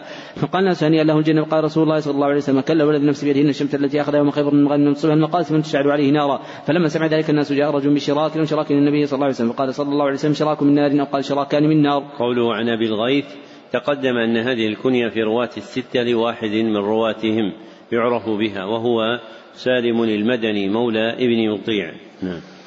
أحسن الله إليكم. قال رحمه الله تعالى بسم الله الرحمن الرحيم. باب كفارة الأيمان. وقول الله تعالى فكفارته إطعام إطعام عشرة مساكين وما أمر النبي صلى الله عليه وسلم حين نزلت حين نزلت ففدية من صيام وصدقة ونسك ويذكر عن عباس رضي الله عنه أعطاني عن كلمة ما كان في القرآن أو ما كان في القرآن أو أو فصاحبه الخيار. وقد خير النبي صلى الله عليه وسلم كعبا في الفدية قال حدثنا أحمد بن يونس قال حدثنا أبو شهاب عن ابن عون عن مجاهد عن عبد الرحمن بن عن كعب بن عزرة رضي الله عنه أنه قال اتيته يعني النبي صلى الله عليه وسلم؟ فقال أدنو. فدنوت فقال يديك وامك قلت نعم. قال فدية من صيام وسرقة ونسك اخبر ابن عون عن قال صيام ثلاثة أيام والنسك شاة من مساكن ستة. باب قوله تعالى قد فرض الله لكم تحلة أيمانكم الله مولاكم وهو العليم الحكيم. متى تجب الكفارة على الغني والفقير؟ قال حدثنا علي بن عبد الله قال حدثنا سفيان الزهري قال سمعته من فيه عن حميد بن عبد الرحمن أبي هريرة رضي الله عنه أنه قال جاء رجل النبي صلى الله عليه وسلم قال لك قال ما شأنك؟ قال وقعت عمرتي في رمضان. قال تستطيع تعتق رقبة؟ قال لا. قال فهل تستطيع أن تصوم شهرا متابعين قال لا. قال فهل تستطيع أن تطعم ستين مسكين قال لا. قال اجلس. فجلس وأتي النبي صلى الله عليه وسلم عرق فيه تمر والعرق والمكتب الضخم. قال خذ هذا تصدق به. فقال على قال أعلى أفقر منا. فضحك النبي صلى الله عليه وسلم حتى بتنا وجده وقال أطعم عيالك. باب من المعسر الكفارة؟ قال حدثنا محمد محبوب قال حدثنا عبد الواحد قال حدثنا معمر الزهري عن حميد بن عبد الرحمن عن أبي هريرة رضي الله عنه أنه قال جاء رجل إلى رسول الله صلى الله عليه وسلم وقال هلكت فقال وما ذاك؟ قال وقعت بهذه في رمضان. قال تجد رقبة؟ قال لا. قال هل تستطيع أن تصوم شهرين متبعين قال لا. قال فتستطيع أن تطعم ستين مسكينا؟ قال لا. قال فجاء رجل من الانصار بعرق من عرق المكتر فيه تمر فقال ذهب بهذا فتصدق به قال على أحوج منا رسول الله والذي بعثك بالحق من بالله أهل بيت أحوج منا ثم قال ذهب فاطعموا أهلك. باب يعطي في الكفارة عشرة مساكين قريبا كان أو بعيدا. قال حدثنا عبد الله بن سلمة قال حدثنا سفيان عن زهري عن حميد عن أبي هريرة رضي الله عنه قال جاء رجل النبي صلى الله عليه وسلم قال لك قال وما شأنك؟ قال وقعت عمرتي برمضان قال هل تجب أن تعتق رقبة؟ قال لا. قال فهل تستطيع أن تصوم شهرا متبعين قال لا. قال فهل تستطيع أن تطعم ستين مسكينا؟ قال لا. قال لا أجد فأتي النبي صلى الله عليه وسلم عرق به تمر قال خذ هذا فتصدق به فقال أعلى أفقر من ما بين لبتي أفقر منه ثم قال خذه فأطعمه أهلك. باب صاع المدينة ومد النبي صلى الله عليه وسلم وبركته وما تورث أهل المدينة من ذلك قرن بعد قرن. قال حدثنا عثمان بن أبي شيبة قال حدثنا قاسم مالك المزني وقال حدثنا جعيد بن عبد الرحمن عن سعد بن يزيد أنه قال كان صاع على عهد النبي صلى الله عليه وسلم مدا ثلثا بمدكم اليوم فزيد فيه في زمن عمر بن عبد العزيز. قال حدثنا منذر بن الوليد الجارودي وقال حدثنا مقتبة وسلم قال حدثنا مالك عن قال كان عمر رضي الله عنه يعطي زكاة رمضان مد النبي صلى الله عليه وسلم المد الأول وفي كفرة يمين مد النبي صلى الله عليه وسلم قال مقتبة قال مالك مدنا أعظم من مدكم ولا نرى الفضل إلا في مد النبي صلى الله عليه وسلم قال لمالك لو جاءكم أمير فضرب مدا أصغر مد النبي صلى الله عليه وسلم شيء كنتم تعطون؟ قلت كنا نعطي مد النبي صلى الله عليه وسلم قال فلا ترى الأمر إنما يعود إلى مد النبي صلى الله عليه وسلم. قال حدثنا عبد الله بن يوسف قال أخبرنا مالك عن إسحاق بن عبد الله بن أبي طلحة انس مالك رضي الله عنه أن رسول الله صلى الله عليه وسلم قال اللهم بارك لهم في مكيالهم وصاعهم ومدهم باب قول الله تعالى وتحريم رقبه واي الرقاب أزكى قال حدثنا محمد بن عبد الرحيم قال حدثنا داود بن رشيد قال حدثنا وليد بن مسلم عن أبي غسان محمد بن مطرف عن زيد بن أسلم عن عبد بن حسين عن سعيد بن مرجانة عن أبي هريرة رضي الله عنه عن النبي صلى الله عليه وسلم أنه قال من أعتق رقبة مسلمة أعتق الله عز وجل بكل عضو منه عضو من النار حتى فرجه بفرجه باب عتق المدبر وأم الولد والمكاتب في الكفارة وعتق ولد الزنا وقال طاووس يجزئ المدبر وأم الولد. قال حدثنا من عمر قال اخبر أحمد بن زيد عن عمرو عن جابر رضي الله عنه من رجل من الانصار دبر ملوكا له ولم يكن له مال غيره فرغ. النبي صلى الله عليه وسلم قال من اشتري مني فاشتراه نعيم من نحى من 800 درهم. ما سمع جابر بن عبد رضي الله عنه يقول عبدا قبطي مات عام أول. اذا اعتق بالكفارة. لمن يكون ولاؤه؟ قال حدثنا سعيد بن حرب. قال حدثنا شعبة عن حكم عن إبراهيم بن أسود. عن عائشة رضي الله عنها أرادت تشتري بريرة. فاشترطوا عليها الولاء فذكرت ذلك. النبي صلى الله عليه وسلم قال اشتريها. إنما الولاء لمن اعتق. باب الاستثناء في الأيمان. قال حدثنا قتيبة بن سعيد قال حدثنا حماد بن عن أبي بردة بن أبي موسى عن موسى الأشعري رضي الله عنه. قال اتيت رسول الله صلى الله عليه وسلم برطب من الأشعري نستحمله. فقال والله لا أحملكم ما عندي ما أحملكم. ثم لبثنا ما شاء الله فأتي ببابل فأمر لنا ثلاثة ذود فلما انطلقنا. قال بعضهم لبعض لا يبارك الله عز وجل لنا أتينا رسول الله صلى الله عليه وسلم يستحمله فعل فلا يحملنا فحملنا. فقال موسى رضي الله عنه فأتي النبي صلى الله عليه وسلم فقال ذلك لو قال ما أنا حملتكم إلا عز وجل أحملكم إني والله إن شاء الله لا أحلف عليه مني فأرى غير, آخر منها إلا كفرت عن ملتي الذي هو خير. قال حدث ابن عمان قال حدث أحمد قال وقال إلا كفرت يميني وأتيت الذي هو خير أو قال أتيت الذي هو خير وكفرت. قال حدثنا علي بن عبد الله قال حدثنا سفيان عن هشام بن حجين عن طاووس انه سمع بارة رضي الله عنه قال قال سليمان عليه الصلاة والسلام لا أطوفن الليلة على تسع امرأة كل تلد غلاما يقاتل في سبيل الله. فقال له صاحبه قال سفيان يعني الملك يعني الملك. قل إن شاء الله. فنسي فطاف بهن فلم تأتي امرأة منهن بولد الا واحدة من شق غلام. فقال أبو هريرة رضي الله عنه يرويه قال لو قال إن شاء الله لم يحنث وكان دركا في حاجته وقال مرة مرة قال رسول الله صلى الله عليه وسلم استثنى وقال حدثنا الزناد عن الأعرج وذكر مثل حديث أبي هريرة. قوله رحمه الله باب الاستثناء في الأيمان أي قول إن شاء الله وهذا معنى مخصوص للاستثناء غير الذي يعرف في كتب العربية والنحو. أشار إليه ابن هشام وغيره. نعم. أحسن الله إليكم. قال رحمه الله تعالى باب الكفارة قبل الحنث وبعده. قال حدثنا علي بن حجين قال حدثني سعيد بن إبراهيم عن أيوب عن قاسم التميمي عن زيد بن جرمي أنه قال كنا عند أبي موسى رضي الله عنه بينه وبين هذا الحي من جرم إخاء معروف قال وقدم طعام قال وقدم في طعامه لحم الدجاج قال وفي القوم رجل من بين تيم الله أحمر كأنه مولى قال فلم يدنق فقال أبو موسى رضي الله عنه فإني قد رأيت رسول الله صلى الله عليه وسلم يأكل منه قال اني رأيت يأكل شيئا قدرته فحلفت ألا أطعمه ابدا قال ادنو أخبرك عن ذلك اتينا رسول الله صلى الله عليه وسلم من يجعله يستحمله ويقسم نعم من نعم الصدقة قال ويحسبه قال وهو غضبان قال والله لا أحملكم وما عندي ما أحملكم قال فطلقنا يا رسول الله صلى الله عليه وسلم بلهم بابل فقال ان هؤلاء الأشعريون فأتينا فامر لنا بخمس غر الذرى قال فاندفعنا وقلت لاصحابي إتينا رسول الله صلى الله عليه وسلم استحملوا فحل فلا يحملنا ثم ارسل إلينا فحملنا نسي رسول الله صلى الله عليه وسلم يمينه. والله لئن تغفلنا رسول الله صلى الله عليه وسلم يمينه لا نفع أبدا. يرجع بنا إلى رسول الله صلى الله عليه وسلم فلنذكره يمينه. فرجعنا فقلنا يا رسول الله إتيناك نستحملك فعلفت ألا تحملنا ثم حملتنا فظنا أو قال فعرفنا أنك نسيت يمينك. قال فانطلقوا فإنما حملكم الله عز وجل. والله إن شاء الله لا احلف على يمين فرى غير خيرا منها. إلا اتيت الذي وخير وتحللتها. تبع حماد بن زيد عن ايوب عن أبي قلبة. وقاسم بن عاصم قوله عن زهد من الجرم تقدم أنه ليس في رواة الستة من اسمه زهدم سوى راو واحد هو زهدم بن مضرب الجرمي. نعم.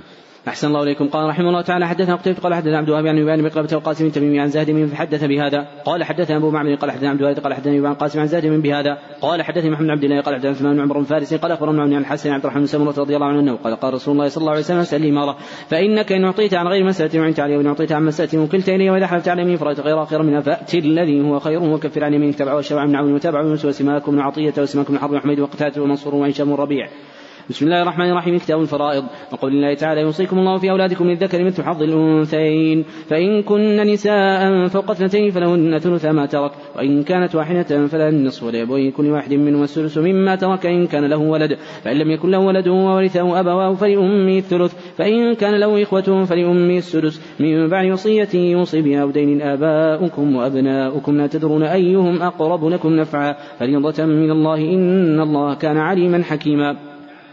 ولكم نصف ما ترك أزواجكم إن لم يكن لهن ولد فإن كان لهن ولد فلكم الربع مما ترك من بعد وصية يوصين بها أو دين ولهن الربع مما تركتم إن لم يكن لكم ولد فإن كان لكم ولد فلهن الثمن مما تركتم من بعد وصية توصون بها أو دين وإن كان رجل يورث كلالة امرأة وله أخ أو أخت فلكل واحد منهما السدس فإن كانوا أكثر من ذلك فهم شركاء في الثلث من بعد وصية يوصى بها أو دين غير مضار وصية من الله والله عليم حليم حليم قال قتيبة بن سعيد قال حدثنا سفيان عن محمد كثير أنه سمع جابر بن عبد الله رضي الله عنه يقول مرضت فعادني رسول الله صلى الله عليه وسلم وبكر وهما ماشيان فأتاني فأتاني وقد أغمي علي فتوضأ رسول الله صلى الله عليه وسلم صب علي وضوءه فأفقت وقلت يا رسول الله كيف أصعب في مالي كيف اقضي في مالي؟ فلم يجبني بشيء حتى نزلت آية المواريث.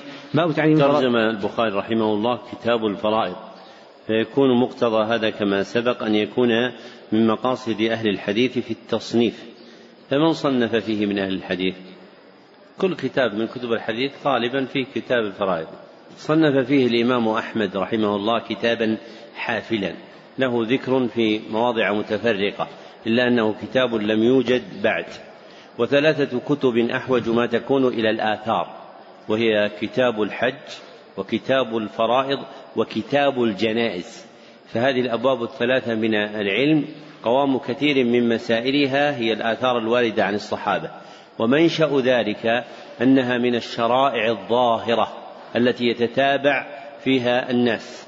فاستغنوا بنقل الآثار عما روي فيها من الأحاديث والأخبار عن النبي صلى الله عليه وسلم لأنها صارت شريعة ظاهرة لا تجهل فيكون المنقول فيها هو ما جاء عن الصحابة مما يقطع بأن أصله عن النبي صلى الله عليه وسلم وإن لم يوجد مرويا عندنا. نعم. أحسن الله إليكم. قال رحمه الله تعالى باب تعليم الفرائض وقال عقبة بن عمرو تعلم قول الظانين يعني الذي كتاب صغير كتاب صغير اسمه كتاب الفرائض للباغندي مما روى عن شيوخه عن سفيان الثوري بأسانيده.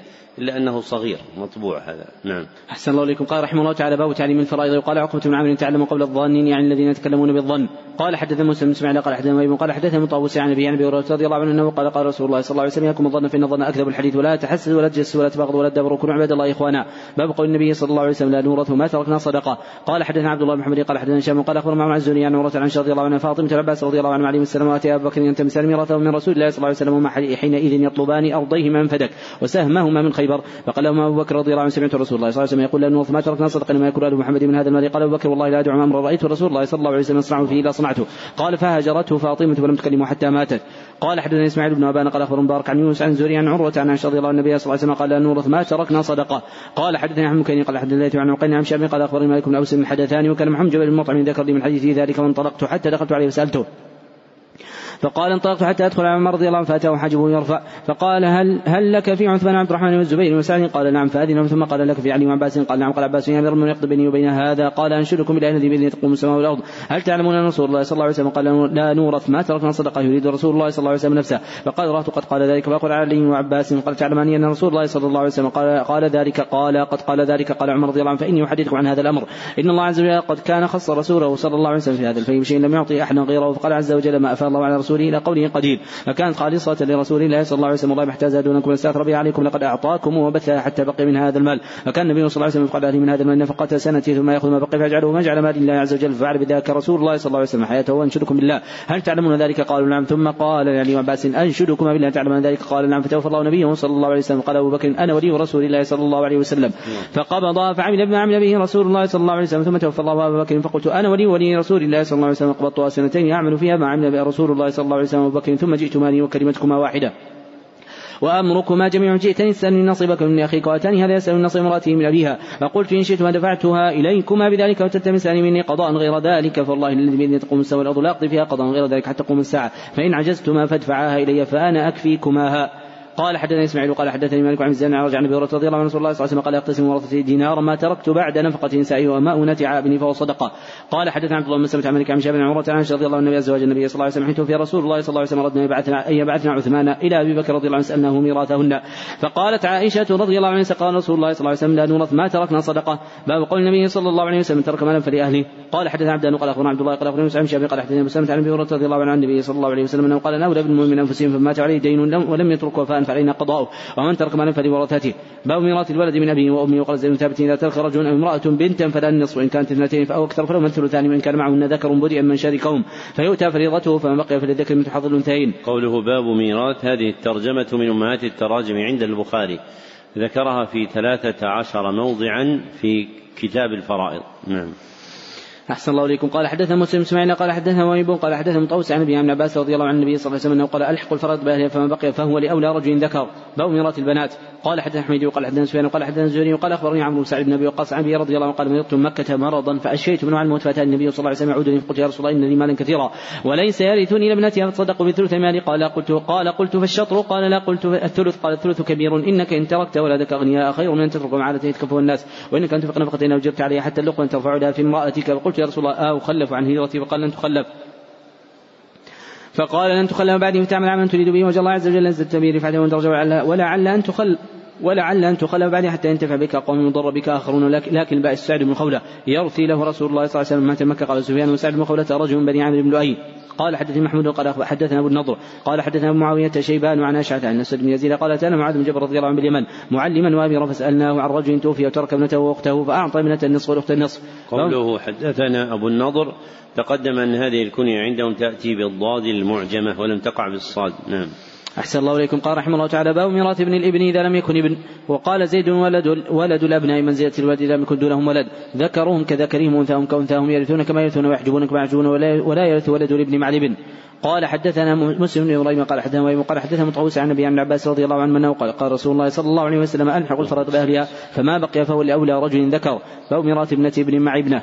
قال حدثنا آدم قال حدثنا شعبة قال حدثنا أبو قيس قال سمعت زيد بن شرحبيل قال سئل أبو موسى عن ابنة وابنة ابن وأخت فقال لابنة النصف والأخت النصف وآتي ابن مسعود فسيتابع من مسعود بن مسعود رضي الله عنه وأخبر بقول أبي موسى رضي الله عنه قال قضيت اذا وما أنا من المعتدين أقضي فيها بما قضى النبي صلى الله عليه وسلم لابنة النصف ولابنة ابن السدس تكملة الثلثين وما بقي في الأخت فاتنا ابو موسى رضي الله عنه فأخبرنا بقول ابن مسعود رضي الله عنه قال أسألوني ما دام هذا الحبر فيكم. قوله حدثنا هزيل ليس في رواة قال سمعت هزيل ليس في رواة الستة اسمه هزيل سوى هذا الراوي وهو هزيل بن شرحبيل الكوفي. نعم. أحسن الله إليكم. قال رحمه الله تعالى باب ميراث الجد مع الأب والإخوة. وقال أبو بكر وابن عباس وابن الزبير الجد أبو نقر بن عباس يا بني آدم واتبعت ملة آبائي إبراهيم وإسحاق ويعقوب لم يذكر أن أحدا خالف أبا بكر في زمانه وأصحاب النبي صلى الله عليه وسلم متوافرون وقال ابن عباس رضي الله عنهما يرثني ابن ابني دون إخوتي ولا أرث أنا ابن ولا أرث أنا ابن ابني. ويذكر عن عمر رضي الله عنه وعلي وابن مسعود وزيد رضي الله عنهما قاويل مختلفة.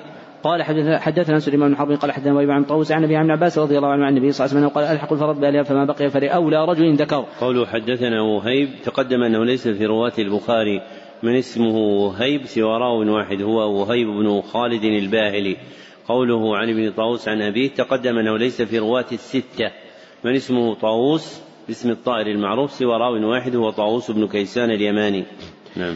أحسن الله إليكم قال حدثنا معمر قال حدثنا عبد الوارث قال حدثنا أيوب كلمة ابن عباس رضي الله عنه قال أما الذي قال رسول الله صلى الله عليه وسلم كنت متخذا من هذه الأمة خليلا اتخذته ولكن قلة الإسلام أفضل أو قال خير فإنه أنزله أبا وقال قضاه أبا باب ميراث الزوج مع الولد وغيره قال حدثنا محمد بن يوسف عن ورقاع بن أبي نجيح عن طائر عن عباس رضي الله عنه قال كان المال للولد وكانت وصيته للوالدين فنسخ الله عز وجل من ذلك ما حب جعل ذكر مثل حظ الأنثيين وجعل ابوين كل واحد منهما السدس وجعل المرأة الثمن والربع وللزوج الشطر والربع.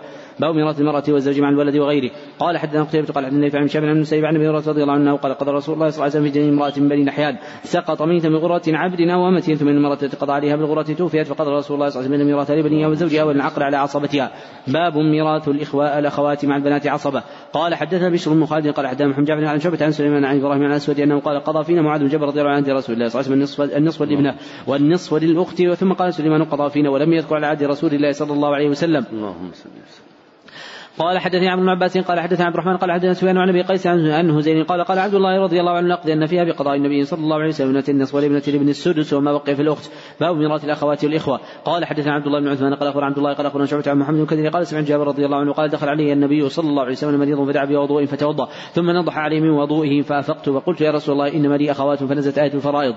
باب يستفتونك قل الله يفتيكم في الكلالة في قل الله يفتيكم في الكلالة. إن امرؤ هلك ليس له ولد وله أخت فلا نصف ما ترك ويرثها إن لم يكن لها ولد. فإن كانت اثنتين فلهما الثلثان مما ترك وإن كانوا إخوة رجالا ونساء فللذكر فللذكر مثل حظ الأنثيين. يبين الله لكم أن تضلوا والله بكل شيء عليم. قال حدثنا عبيد الله بن موسى عن إسرائيل عن إسحاق عن براء رضي الله عنه قال آخر آية نزلت خاتمة سورة النساء يستفتونك قل لا يفتيكم الكلالة. باب ابني عم أحدهما أخ للأم والآخر زوج. وقال علي للزوج النصف وللاخ من الأم السدس وما بقي بينهما نصفان.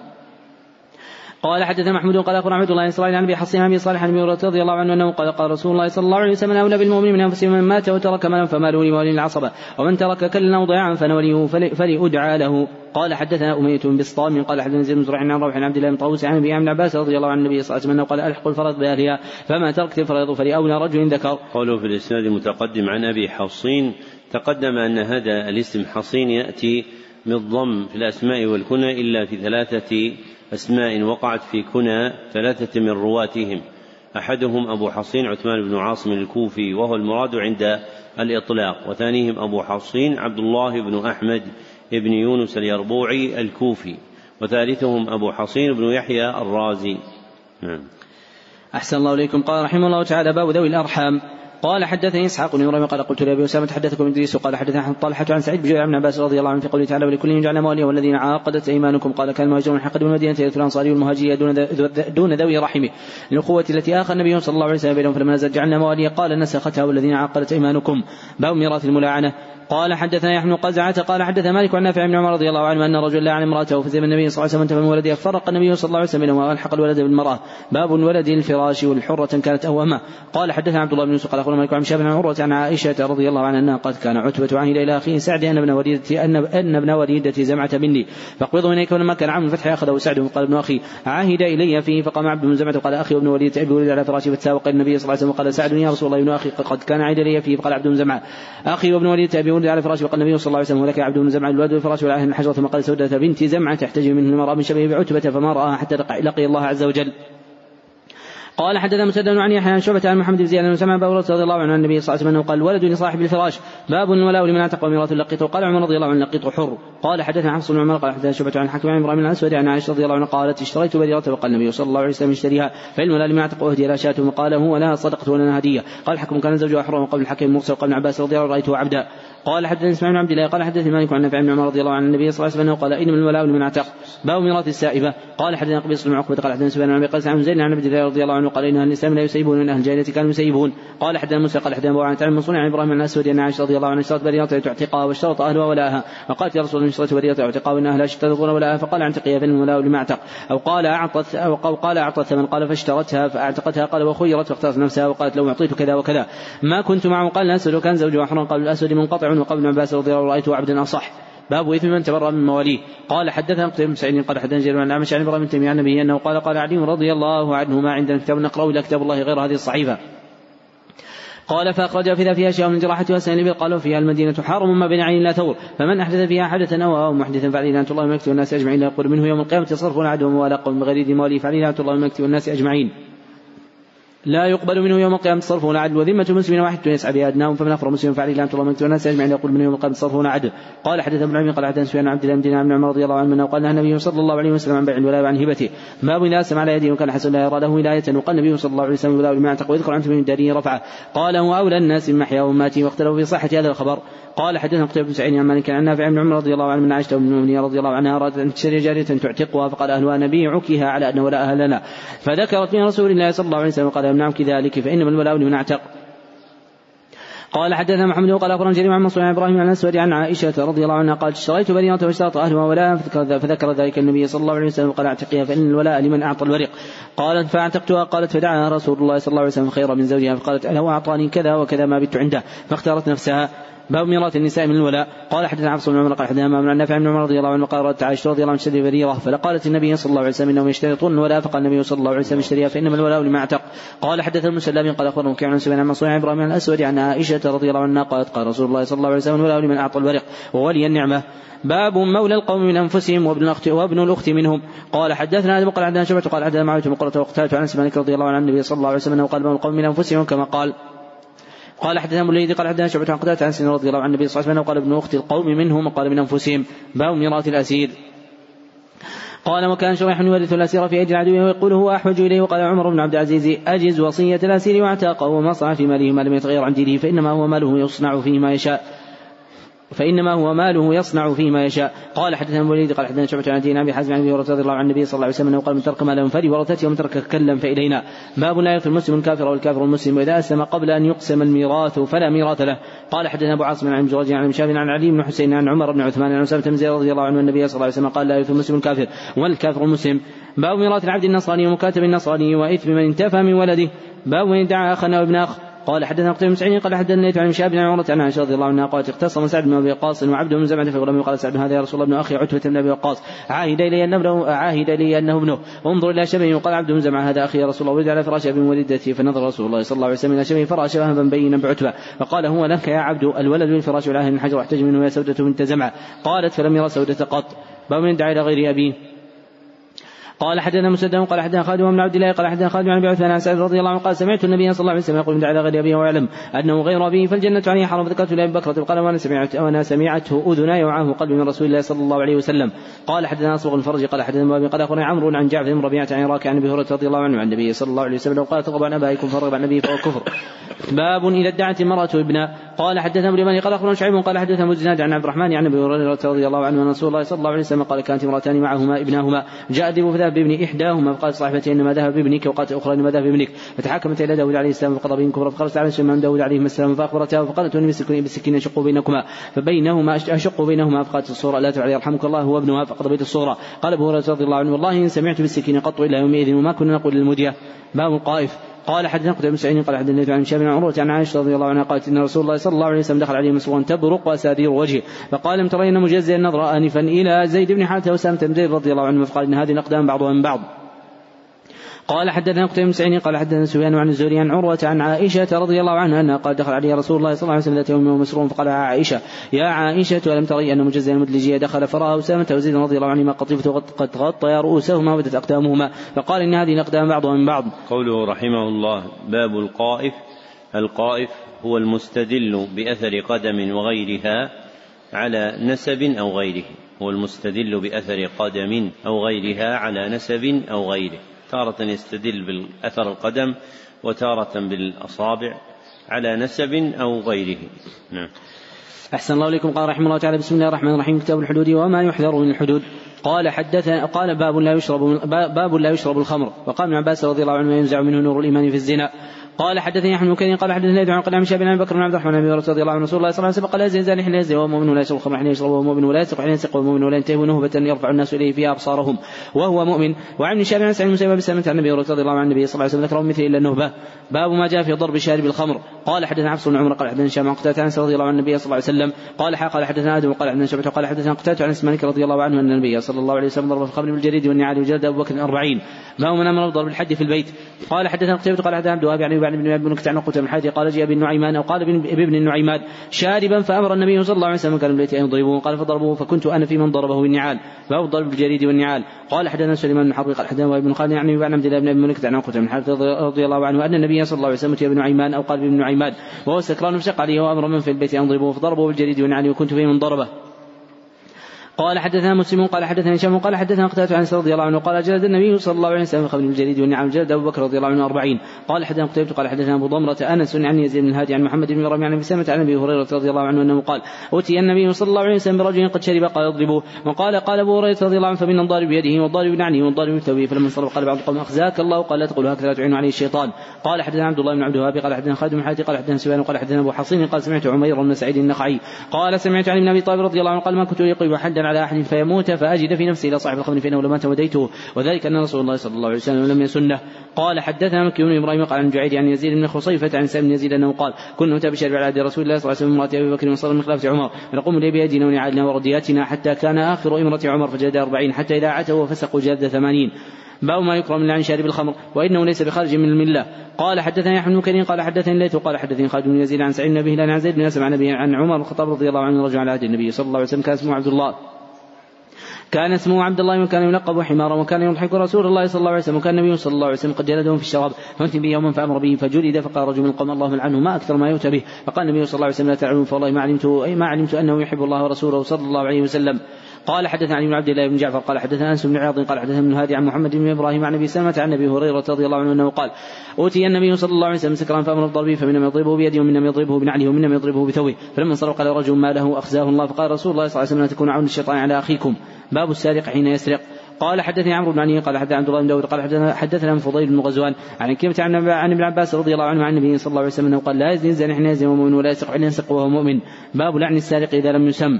قال حدثنا عمر بن حفص قال ابن حفص بن غياث قال حدثني أبي قال حدثنا عمش قال سمعت أبا صالح عن أبي هريرة رضي الله عنه عن النبي صلى الله عليه وسلم أنه قال لعن الله السارق يسرق البيضة فتقطع يده ويسرق الحبل فتقطع يده. قال أعمش كانوا يرون أنه بيض الحديد والحبل؟ كانوا يرون أنه منها ما يسوى دراهم باب الحدود كفارة. قال حدثنا محمد بن يوسف قال حدثنا معينة عن الزهري عن أبي إدريس قولاني عن عبادة بن رضي الله عنه قال كنا عند النبي صلى الله عليه وسلم في مجلس فقال بايعوني, بايعوني على الا تشركوا بالله شيئا ولا تسرقوا ولا تزنوا وقرأ هذه الآية كلها فمن وفى منكم أجر فاجروا على الله ومن اصاب من ذلك شيئا فعوقب به فكفارته ومن اصاب من ذلك شيئا فستره الله عليه إن شاء غفر له وإن شاء عذبه.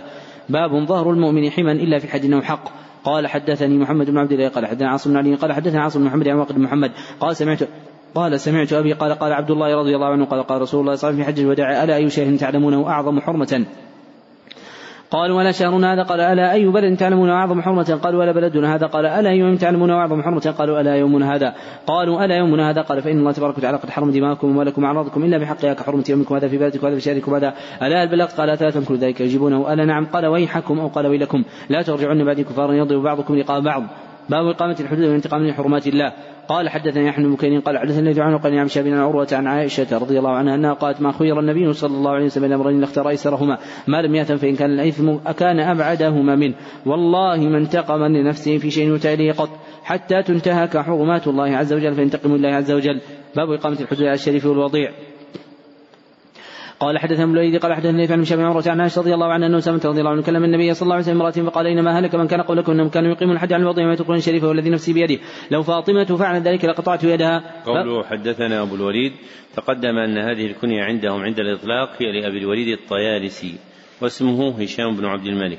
نعم. أحسن الله إليكم. قال رحمه الله تعالى باب كراهية الشفاعة في الحد إذا رفع على السلطان. قوله باب كراهية تقدم أن هذه الترجمة من أمهات التراجم عند البخاري. وأنه ذكرها بهذا اللفظ في تسعة مواضع وذكرها بلفظ باب من كره في خمسة مواضع وبلفظ باب ما يكره في خمسة وثلاثين موضعا. نعم. أحسن الله إليكم. قال حدثنا سعيد بن سليمان قال حدثنا عن شاب عمرة عن عائشة رضي الله عنها قريش أهمتهم المرأة المخزومية السرقة فقالوا من يكلم رسول الله صلى الله عليه وسلم ويشتري عليه إلا أسامة تحب رسول الله صلى الله عليه وسلم كلم رسول الله صلى الله عليه وسلم فقال تشفع في حد من حدود الله.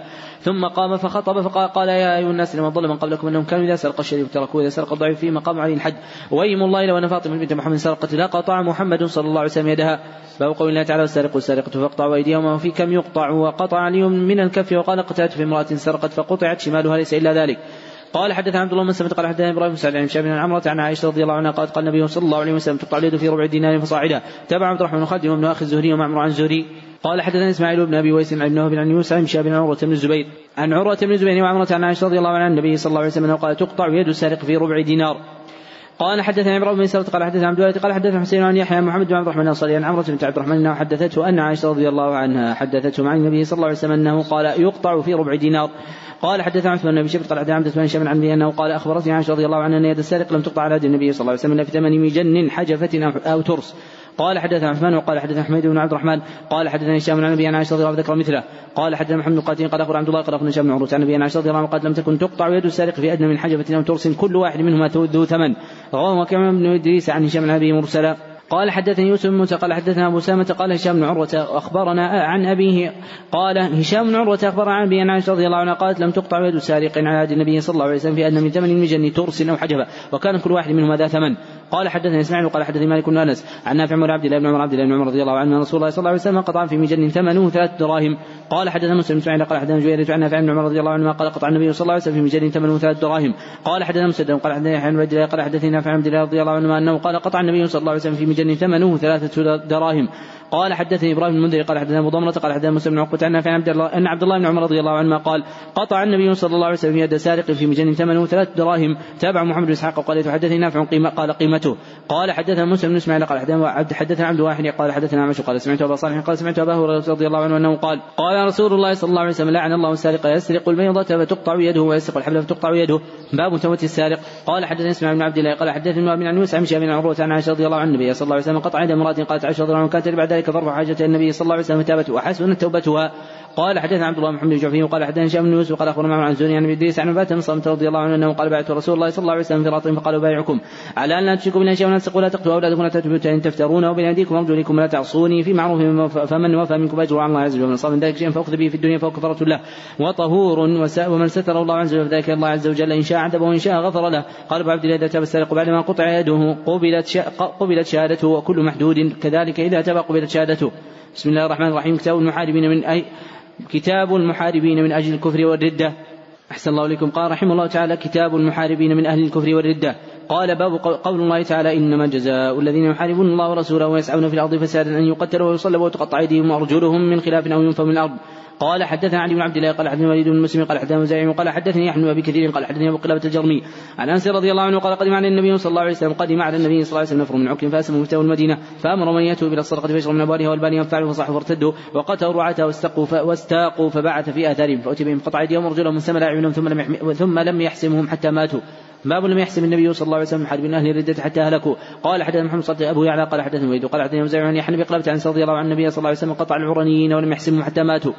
باب لم يسق الم... باب لم يسق الم... باب لم يسق المرتدون المحاربون حتى ماتوا. قال حدثنا موسى بن إسماعيل عن وهيب عن أبي وعن بقلبة عن رضي الله عنه قال قد مرضوا من عكر عن النبي صلى الله عليه وسلم كانوا في الصفه فاتوا المدينة فقالوا يا رسول الله أبغنا الاسلام فقال ما يجوز لكم إلا أن تلحقوا بإبل رسول الله صلى الله عليه وسلم. فاتوها فشربوا من البانها وأبوالها حتى صحوا وسمنوا وقتلوا الراعي واستاقوا الدود فأتى النبي صلى الله عليه وسلم الصديق وبعث طرف في اثارهم فمات رجل النار حتى أتي بهم فأمر بالسامره فأحميت فكحلهم وقطع أيديهم وأرجلهم. وما حسبهم ثم ألقوا في الحرة يستسقون فما سقوا حتى ماتوا. قلب قلبة سرقوا وقتلوا وحاربوا الله ورسوله صلى الله عليه وسلم. باب سمر النبي صلى الله عليه وسلم أعين المحاربين. قال حدثنا قتيبة سعيد قال حدثنا حماد عن بعد قلبة عن سمانك رضي الله عنه بن وقال عرينا ولعلم إلى قال من عكرمة قدم من المدينة فأمر لهم النبي صلى الله عليه وسلم قال وامر من يخرجوا فيشربوا من ابوالها والبانها حتى إذا برئوا قتلوا الراعي واستاقوا النعم. فبلغ النبي صلى الله عليه وسلم قدوة بعد طرف اثرهم فمرتع النار حتى جاء بهم فأمر بهم فقطع أيديهم وارجلهم وسمر أعينهم فالقوا بالحرة يستسقون فلا يسقون. قال بقلبة هؤلاء قوم سرقوا وقتلوا كفروا بعد ايمانهم حرب الله ورسوله صلى الله عليه وسلم. باب فضل من ترك الفواحش. قال حدثنا محمد سلام قال أخبرنا عبد الله بن عين وعبيد الله بن عمر عن خبيب بن عبد الرحمن بن حفص بن عاصم عن أبي هريرة رضي الله عن النبي صلى الله عليه وسلم أنه قال سبعه يظلهم الله عز وجل يوم القيامة في ظله يوم لا ظل إلا ظله إمام عادل وشاب نشأ من عباده الله ورجل ذكر الله في خلائهم ففاضت عينه ورجل قلبه معلق من مسجد ورجل تحابى في الله ورجل دعته امرأة ذات منصب وجبا لنفسها قال اني اخاف الله عز وجل ورجل صدق بصدقة فأخفاها حتى لا تعلم من شماله ما صنعت يمينه قال حدثنا محمد بن أبي بكر قال حدثنا عمر بن علي قال وحدثني خليفة عنه قال حدثنا عمر بن علي قال حدثنا محمد بن سعد سعدي رضي الله عنه قال قال النبي صلى الله عليه وسلم توكل لي ما بين رجلي وما بين لحيه وتوكلت له بالجنة. قوله حدثنا حازم حازم تقدم أن هذه الكنية تأتي عندهم بالحاء المهملة فقط وأما في الأسماء فيأتي فيها حازم وخازم. نعم.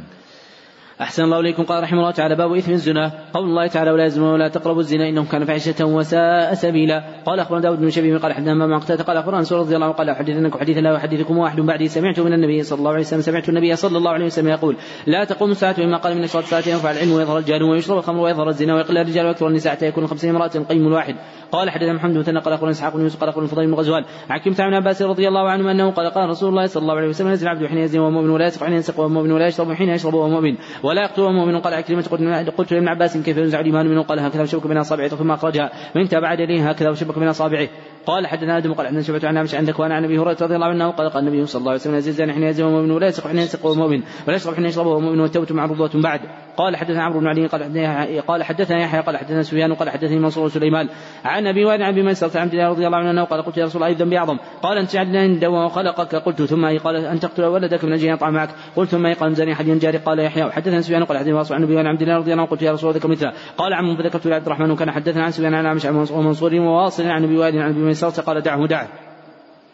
باب رجم المحصن. وقال الحسن من زلم يختي حده حد الزاني. قال حدثنا آدم قال حدثنا شعبة قال حدثنا سلمة بن قال سمعت الشعبي وحدث عن علي رضي الله عنه حين رجم المرأة يوم الجمعة. وقال قد رجمتها بسنة رسول الله صلى الله عليه وسلم. قال حدثني إسحاق قال حدثنا خالد عن شيباني قال سألت عبد الله بن أبي رضي الله عنهما رجم رسول الله صلى الله عليه وسلم. قال نعم. قلت قبل سورة النور أم بعد؟ قال أدري. قال حدثنا محمد بن قاتل قال أخبرنا عبد الله قال أخبرنا يونس عن شعبي قال حدثني أبو سلمة بن عبد الرحمن بن عبد الله الأنصاري رضي الله عنه رجل من اسلم رسول الله صلى الله عليه وسلم حدثه أنه قد زنى عن نفسه أربع شهادات فأمر به رسول الله صلى الله عليه وسلم فرجم وكان قد أحصن.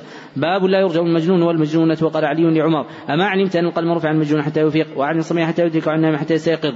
قال حدثني أحمد بن قال حدثني ليث عن وقال همشى بن ابي سلمة وأبي سعيد وسعيد بن المسيب عن أبي هريرة رضي الله عنه أنه قال أتى رجل رسول الله صلى الله عليه وسلم في المسجد فناداه فقال يا رسول الله إني زنيت وأعرض عنه حتى رد عليه أربع مرات فلما شاء عن نفسه أربع شهادات دعاه النبي صلى الله عليه وسلم قال بك جنون؟ قال لا. قال فهل أحصنت؟ قال نعم. فقال النبي صلى الله عليه وسلم اذهبوا به فارجموه. قام شاب فأخبرني من سمع جابر بن عبد الله رضي الله عنه أنه قال فكنت في من رجمه فرجمناه ابن صلى فلما ذقته الحجاره هرب فأدركناه بالحره فرجمناه.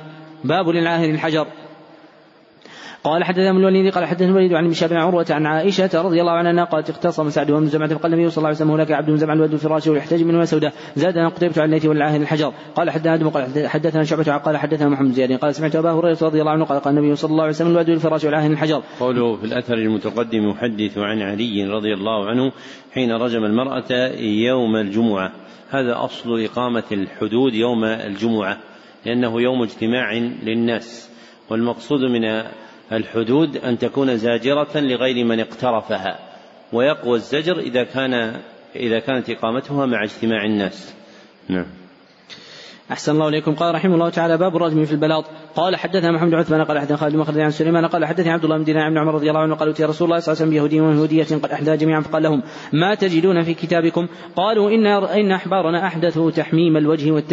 إن أحبابنا إن أحبارنا أحدثوا تحميم الوجه والتجبية والتشبيه والتشبيه قال عبد الله بن سلام رضي الله عنه ادعوا يا رسول الله بالتوراة واتي بها فوضع احدهم يده على إيه الرجم وجعل يقرا ما قبله وما بعده. فقال ابن سلام رضي الله عنه ارفع يدك في الرجم تحت يدها تحت يده فأمر بهما رسول الله صلى الله عليه وسلم. فرجم قال ابن عمر رضي الله عنه فرجم عند البلاط فرأيت اليهودية اجنأ عليها باب الرجم بالمصلى. قال حدثني محمود قال أخو حدثنا عبد الرزاق قال أخبرنا معمر عن زهري عن النبي وسلم عن جابر رضي الله عنه رجل من أسلم جاء النبي صلى الله عليه وسلم فاعترف بالزنا فعرض عنه النبي صلى الله عليه وسلم حتى على نفسه أربع مرات فقال النبي صلى الله عليه وسلم بك جنون. قال قال احصنت قال نعم. فأمر به فرجم بالمصلى فلما ذقته الحجارة فر, فر فأدرك فرجم حتى مات. فقال له النبي صلى الله عليه وسلم خيرا صلى عليه لم يقل يوسف بن جريج عن زهري وصلى عليه. فهو من أصاب ذنبا دون الحد فأخبر الإمام فلا عقوبة عليه. بالتوبة إذا جاء مستفتي إذا جاء مستفتيا. قال عطاء لم يعاقب النبي صلى الله عليه وسلم قال جريج ولم يعاقب الذي جاء مع في رمضان. ولم يعاقب عمر رضي الله عنه صاحب الظبي وفيه عن عثمان عن مسعود رضي الله عن النبي صلى الله عليه وسلم. قال حدثنا قتيبة قال عن الليث عن شاب بن حميد بن عبد الرحمن بن رضي الله عنه ان رجلا وقع وقع بامرأته في رمضان. فاستفتى رسول الله صلى الله عليه وسلم. قال تجد رقبة؟ قال لا. قال هل تستطيع صيام شهرين؟ قال لا. قال فاطعم ستين مسكينا وقال عن عمرو بن الحاج عن عبد الرحمن قال سمع محمد جعفر بن الزبير عن عباد بن عبد الله بن الزبير عن عائشة رضي الله عنها قالت رجل النبي صلى الله عليه وسلم المسجد. قال احترقت. قال مما ذاك؟ قال وقعت بامراتي في رمضان. قال إن صدق قال ما عندي شيء فجلس وأتاه إنسان يسوق حماره ومعه طعام. قال عبد الرحمن ما أدري ما هو إلى النبي صلى الله عليه وسلم. فقال المحترق فقال ها أنا ذا قال خذ هذا فتصدق به. قال على احد مني ما أهلي طعام قال فكلوا قال ابو عبد الله الحديث الأول ابين قوله أطعم أهلك. باب اذا قرب الحد ولا من بين هل للامام يستر عليه. قال حدثني عبد القدوس بن محمد قال حدثني عمرو بن عاصم الكلابي قال حدثنا هم بن قال حدثني اسحاق بن عبد الله بن أبي طلحة عن سيدنا مالك رضي الله عنه قال كنت عند النبي صلى الله عليه وسلم فجاءه رجل وقال يا رسول الله إني أصبت حدا فأقم عليه قال ولم يسأله عنه. قال وحضرت الصلاة فصلى مع النبي صلى الله عليه وسلم قضى النبي صلى الله عليه وسلم الصلاة. قام لي رجل وقال يا رسول الله إني اصبت حدا فأقم فيه كتاب الله. قال ليس قد صليت معنا؟ قال نعم. قال فإن الله عز وجل قد غفر لك ذنبك وقال حدك. باب هل يقول الإمام للمقر لعلك لمست أو غمست؟ قوله باب هل تقدم أنها من أمهات التراجم عند البخاري وأنه ذكرها في خمسة وخمسين موضعا. نعم.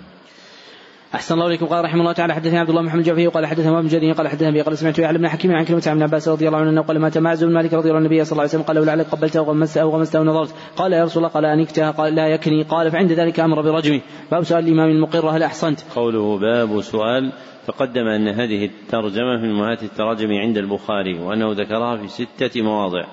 نعم.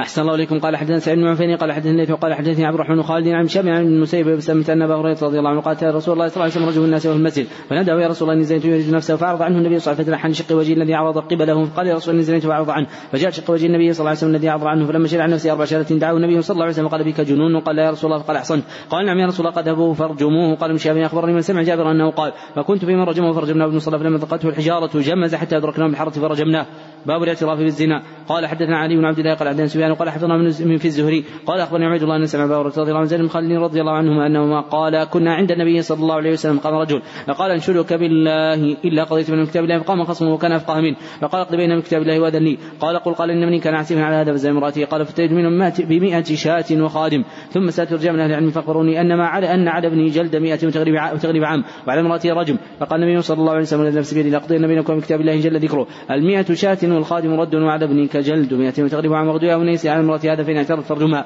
فغدا عليها فاعترض فرجمها قلت لسفيان لم يقل فأخبروني أن على ابني الرجم. فأخبروني أن على ابني الرجم فقال أشك فيها من الزهري. فربما قلت أو ربما سكت.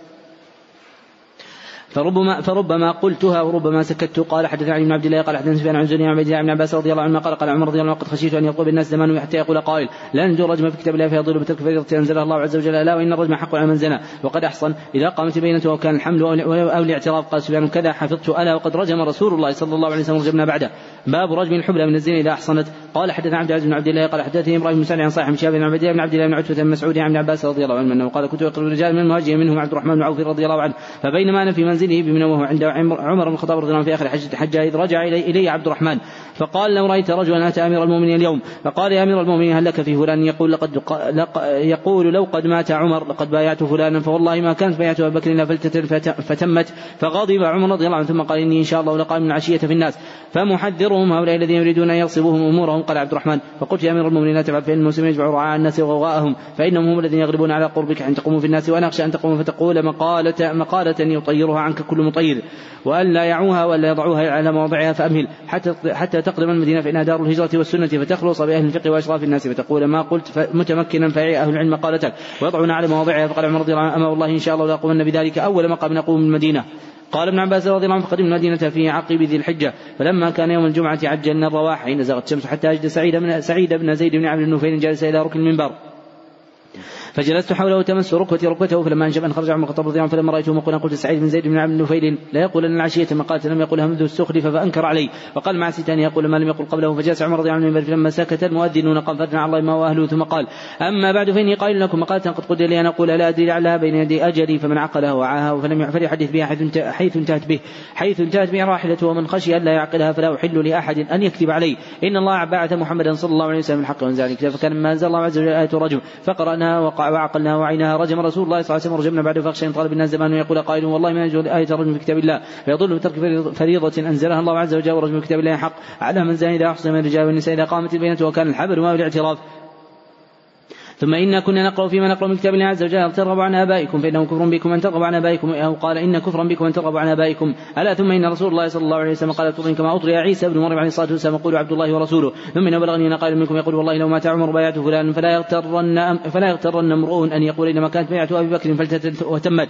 ألا وإنها قد كانت كذلك ولكن الله عز وجل وقال شرع وليس منكم من تقطع الأعناق إليه مثل أبي بكر. من بايع رجلا غير مشورة بالمسلمين فلا بايعه ولا الذي بايعه ولا الذي بايعه تغرة وإنه قد كان من خبر حين توفى الله نبيه صلى الله عليه وسلم إلا أن الأنصار خالفونا واجتمعوا بأسرهم في سقيفة بني ساعدة. وقال فعنا علي والزبير معهم واجتمع المهاجرون لأبي بكر فقلت يا أبي بكر يا أبي بكر انطلق بنا الإخوان من هؤلاء الأنصار فانطلقنا نريدهم فلما دعونا منهم لقينا منهم رجلان صالحان. فذكر ما تمالى عليه القوم فقال أين تريدون يا معشر المهاجرين؟ فقلنا نريد إخواننا هؤلاء من الأنصار. فقال لا عليكم ولا تقربوهم اقضوا أمركم. قلت فقلت والله لنأتينهم. فانطلقنا حتى أتيناهم في سقيفة بني ساعدة. فإذا رجل مزمل بين ظهرانيهم فقلت من هذا؟ فقالوا هذا سعد بن قلت ما له قالوا يوعك. فلما جلس قد انشاد خطيبهم فأثنى على الله ما هو ثم قال ما بعد؟ فنحن أنصار الله وكتيبة الإسلام. وأنتم معشر المهاجرين رهط وقد دفت الدافة من, من قومكم. فإذا هم يريدون أن يختزلون من أصلنا ويحضون وأن يحضوننا وأن يحضوننا من الأمر. فلما سكت أردت أن أتكلم وكنت زورت مقالة, مقالة أعجبتني. أريد أن أقدم بين يدي أبي بكر وكنت أداري منه بعض الحد. فلما أردت أن أتكلم قال أبو بكر رضي الله عنه لسلك فكرهت أن أغضبه فتكلم أبو بكر رضي الله عنه فكان هو أحلى مني وأوقر. والله ما ترك من كلمة أعجبتني في التزوير إلا قال في بديهة مثلها أو أفضل منها حتى سكت. فقال ما ذكرتم فيكم ما ذكرتم فيكم من خير فأنتم له أهل ولن يعرف هذا الأمر إلا لهذا الحي من قريش. هم أوسط العرب نسبا ودارا. وقد رضيت لكم على هذين الرجلين فبايعوا أيهما شئتم. فأخذ بيدي وبيد أبي عبيدة بن جراح وجالس بيننا فلم أكره. مما قال غيرها كان والله أن أقدم فتضرب عنقي لا يقربني ذلك من إثم أحب إلي من أن تأمر علي على قوم فيهم أبو بكر. اللهم إلا أن سوي النفس عند موت شيء لا أجده الآن. فقال قائل من الأنصار أنا جذيلها المحكك وعليقها المرجب منا أمير ومنكم أمير يا معشر قريش فكثر اللغط وارتفعت الأصوات حتى فرقت من اختلافي فقلت ابسط يدك يا أبا بكر. فبسط يده وبايعته وبايع المهاجرون ثم بايعته الأنصار. ونزلنا على سعد بن عبادة. وقال قائل منهم قتلتم سعد بن عبادة. فقلت قتل الله سعد بن عبادة. قال عمر رضي الله عنه وإنا والله ما وجدنا فيما فيما حضرنا من أمر أقوى من بيعة أبي بكر خشينا إن فارقنا القوم ولم تكن بيعة أن يبايع رجل منهم بعدنا. فإن فإما بايعناهم على فإما بايعناهم على ما نرضى على ما لا نرضى وإما نخالفهم فيكون فساد فمن بايع رجلا على غير مشورة من المسلمين فلا يتابع هو ولا الذي بايعه تغيرة أن يقتل هذا الحديث الطويل من حديث ابن عباس رضي الله عنه حديث عظيم في بناء العقل واستفادة العبد من تجارب الأيام وحوادثها وما يعرض فيها. فإن عمر رضي الله عنه لما سمع ما سمع في الموسم أراد أن يتكلم فأشار عليه عبد الرحمن أن لا يتكلم في الموسم لأنه يحضره أخلاط الناس ومن لا عقل له تاما يفهم ما يقال وأرشده إلى أن يتكلم بما يريد في المدينة لأنها دار الإيمان وفيها رؤوس الناس فلما قفل عمر إلى المدينة تكلم بما شاء. وبه يعلم المرء أنه ليس كل ما يعلم يقال وألا أنه ليس كل ما يقال يقال لأحد لكل أحد وليس ما يقال لكل أحد يقال في كل زمان ومكان. واستفادة العقل من الوارد في الآيات والأحاديث والآثار هو أعظم موارد تقويته. فإن الله سبحانه وتعالى ذكر لنا من أحوال الأمم وضرب لنا من الأمثال وبين لنا من أصول صلاح الناس في القرآن الكريم الجم الغفير وكذلك في سنته صلى الله عليه وسلم. ثم اتفق وقوع ذلك في آثار الصحابة وأحوالهم ثم وقع في الصدر الأول من تجارب الأمم والدول إلى يومنا هذا. فينبغي أن يحرص طالب العلم على بناء عقله وأن يسترشد بما في الآيات والأحاديث والآثار من الأحوال والحقائق والأصول التي تبني عقله بناء صحيحا لا أن يكون قليل العقل ضعيف الرأي مقبلا على صورة العلم دون فهم حقائقه. كالذي يقرأ هذه الأحاديث وأمثالها ثم لا ينظر إلى ما فيها من الحكم في إصلاح الناس وإرشادهم وما ينبغي أن يتكلم به الإنسان في حال وما لا يتكلم به في حال وما يتكلم به لأحد وما لا يتكلم به لكل أحد.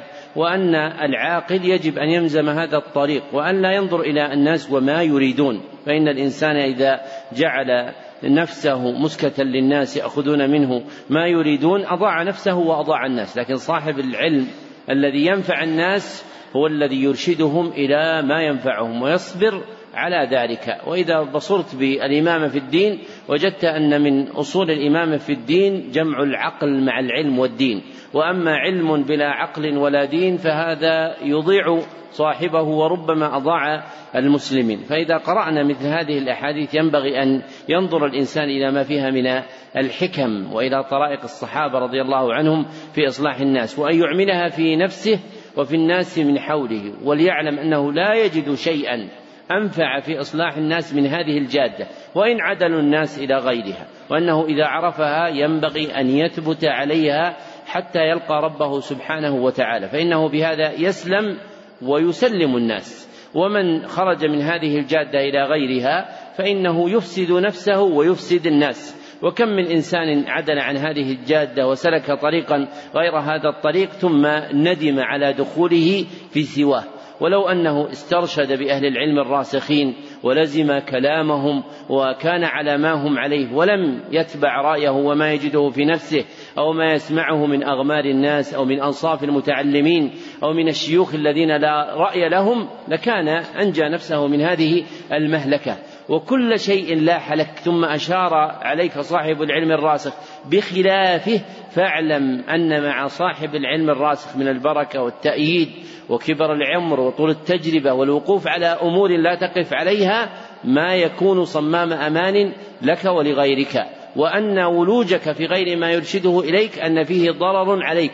ولو رأيت أنك الآن لا ضرر عليك لكنك سترى في قادم الأيام ما يكون ضررا. وكم من شيء ابتدأ صغيرا ثم عاد كبيرا. وهذه الأحوال التي نراها من حولنا في بلاد المسلمين إنما نشأت من البعد عن أهل العقل الكامل بل استصغارهم والنظر إلى أنهم لا يقومون بكذا أو لا يفعلون كذا أو لا يؤدون كذا أو غيرها من الأشياء التي تزين لصغار طلاب العلم وأنصاف المتعلمين وغيرهم ممن يلج في هذا الأمر وليس أهلا له. فطالب العلم ينبغي أن يسترشد بأهل العقل الكامل والدين الوافر والعلم الراسخ حتى ينجو وأن يترك كل ما يدعوه غيرهم إليه.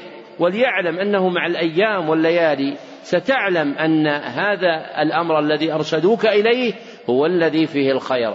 وكنا قبل ننشد بيتا ستعلم إذا انجلى الغبار أفرس تحتك أم حمار. فما هي إلا أيام وسنين حتى انجلى الغبار وميز الإنسان أهل العقل والعلم والدين الراسخ والخوف من الله سبحانه وتعالى والحرص على نفع الناس. والسعي فيما يقربهم إلى ربهم سبحانه وتعالى ومن هو صاد عن هذا الطريق وسالك في واد آخر تستولي عليه فيه الشهوات والشبهات وحب التصدر والرئاسة والزعامة ورجوع الناس إليه. وليعلم المرء أن من أراد بنفسه الخير وأراد به الناس وأراد الناس بذلك ولزم الجادة السوية في القرآن والآيات والأحاديث والسنة والآثار فإن الله سبحانه وتعالى ناصره ولو بعد حين. وليس المقصود أن ينصر ذاته ولكن المقصود أن ينصر الله سبحانه وتعالى به الدين بأن يثبت على هذا الدين وأن يبينه للناس بيانا صحيحا كما عرفه من أهل العلم وكما وعاه من القرآن والسنة. ويلزم هذا ويثبت عليه ويعلم أن العاقبة في ذلك حميدة. نسأل الله سبحانه وتعالى أن يبصرنا ويلهمنا رشدنا. نعم. أحسن الله إليكم. قال رحمه الله تعالى باب المكران يجلدان من فيان وقوله تعالى الزانية والزاني فاجلدوا كل واحد منهما من جلدة ولا تأخذكم بما رأفتم في دين الله إن كنتم تؤمنون بالله واليوم الآخر يشهد عذابهما طائفة من المؤمنين. الزاني لا ينكح إلا زانية ومشركة والزانية لا ينكح إلا زاني ومشرك وحرم ذلك عن المؤمنين قال ابن عيينة رأفة إقامة الحدود. قال حتى مالك بن إسماعيل قال عبد العزيز قال أخبرنا شهاب بن عبد الله بن عبد الله بن عتبة عن زيد بن خالد رضي الله عنه قال سمعت النبي صلى الله عليه وسلم يأمر في من زنى ولم يحصن جلد مئة وتغريب عام. قال ابن شهاب أخبرني عمرة بن زبير عن الخطاب رضي الله عنه غرب ثم لم تزل تلك السنة قال حدثني أحمد بن قال حدثني ليث عن قال عن شهاب عن سعيد بن مسيب عن أبي هريرة رضي الله عنه. رسول الله صلى الله عليه وسلم قضى في منزل المحصن بن في عام باقامه الحد عليه. باب في أهل المعاصي والمخنثين. قال حدثنا مسلم بن قال حدثنا شام قال حدثني عن كلمة عن عباس رضي الله عنه قال عن النبي صلى الله عليه وسلم مخنثين من رجال رجلات من النساء وقال أخرجوا من بيوتكم أخرج فلان وأخرج فلانا. باب من أمر غير باب من أمر غير الإمام بإقامة الحد غائبا عنه.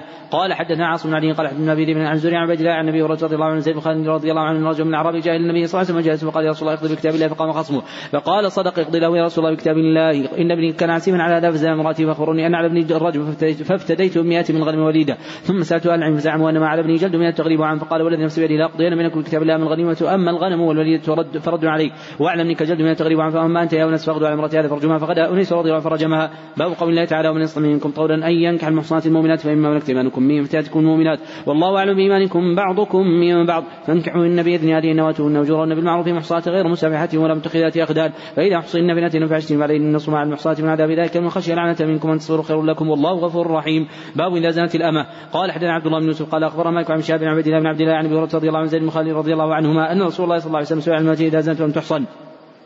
قال إذا زنت فجدوها ثم زنت فجدوها ثم زنت فجدوها ثم بيعوها ولم يضفين قبل شبل الأدري بعد الثالثة والرابعة باب لا يثرب على الأمة إذا زنت ولا تنفى. قال حدثنا عبد الله بن قال الله عن سعيد المقبري عن به عن أبي رضي الله عنه سمعه يقول قال النبي صلى الله عليه وسلم إذا زنت فتبين زناها فليجدها ولا يتدب ثم إن زنت فليجدها ولا يتدب ثم زنت الثالث فليبيعها فليبيعها ولو بحبل من شعر.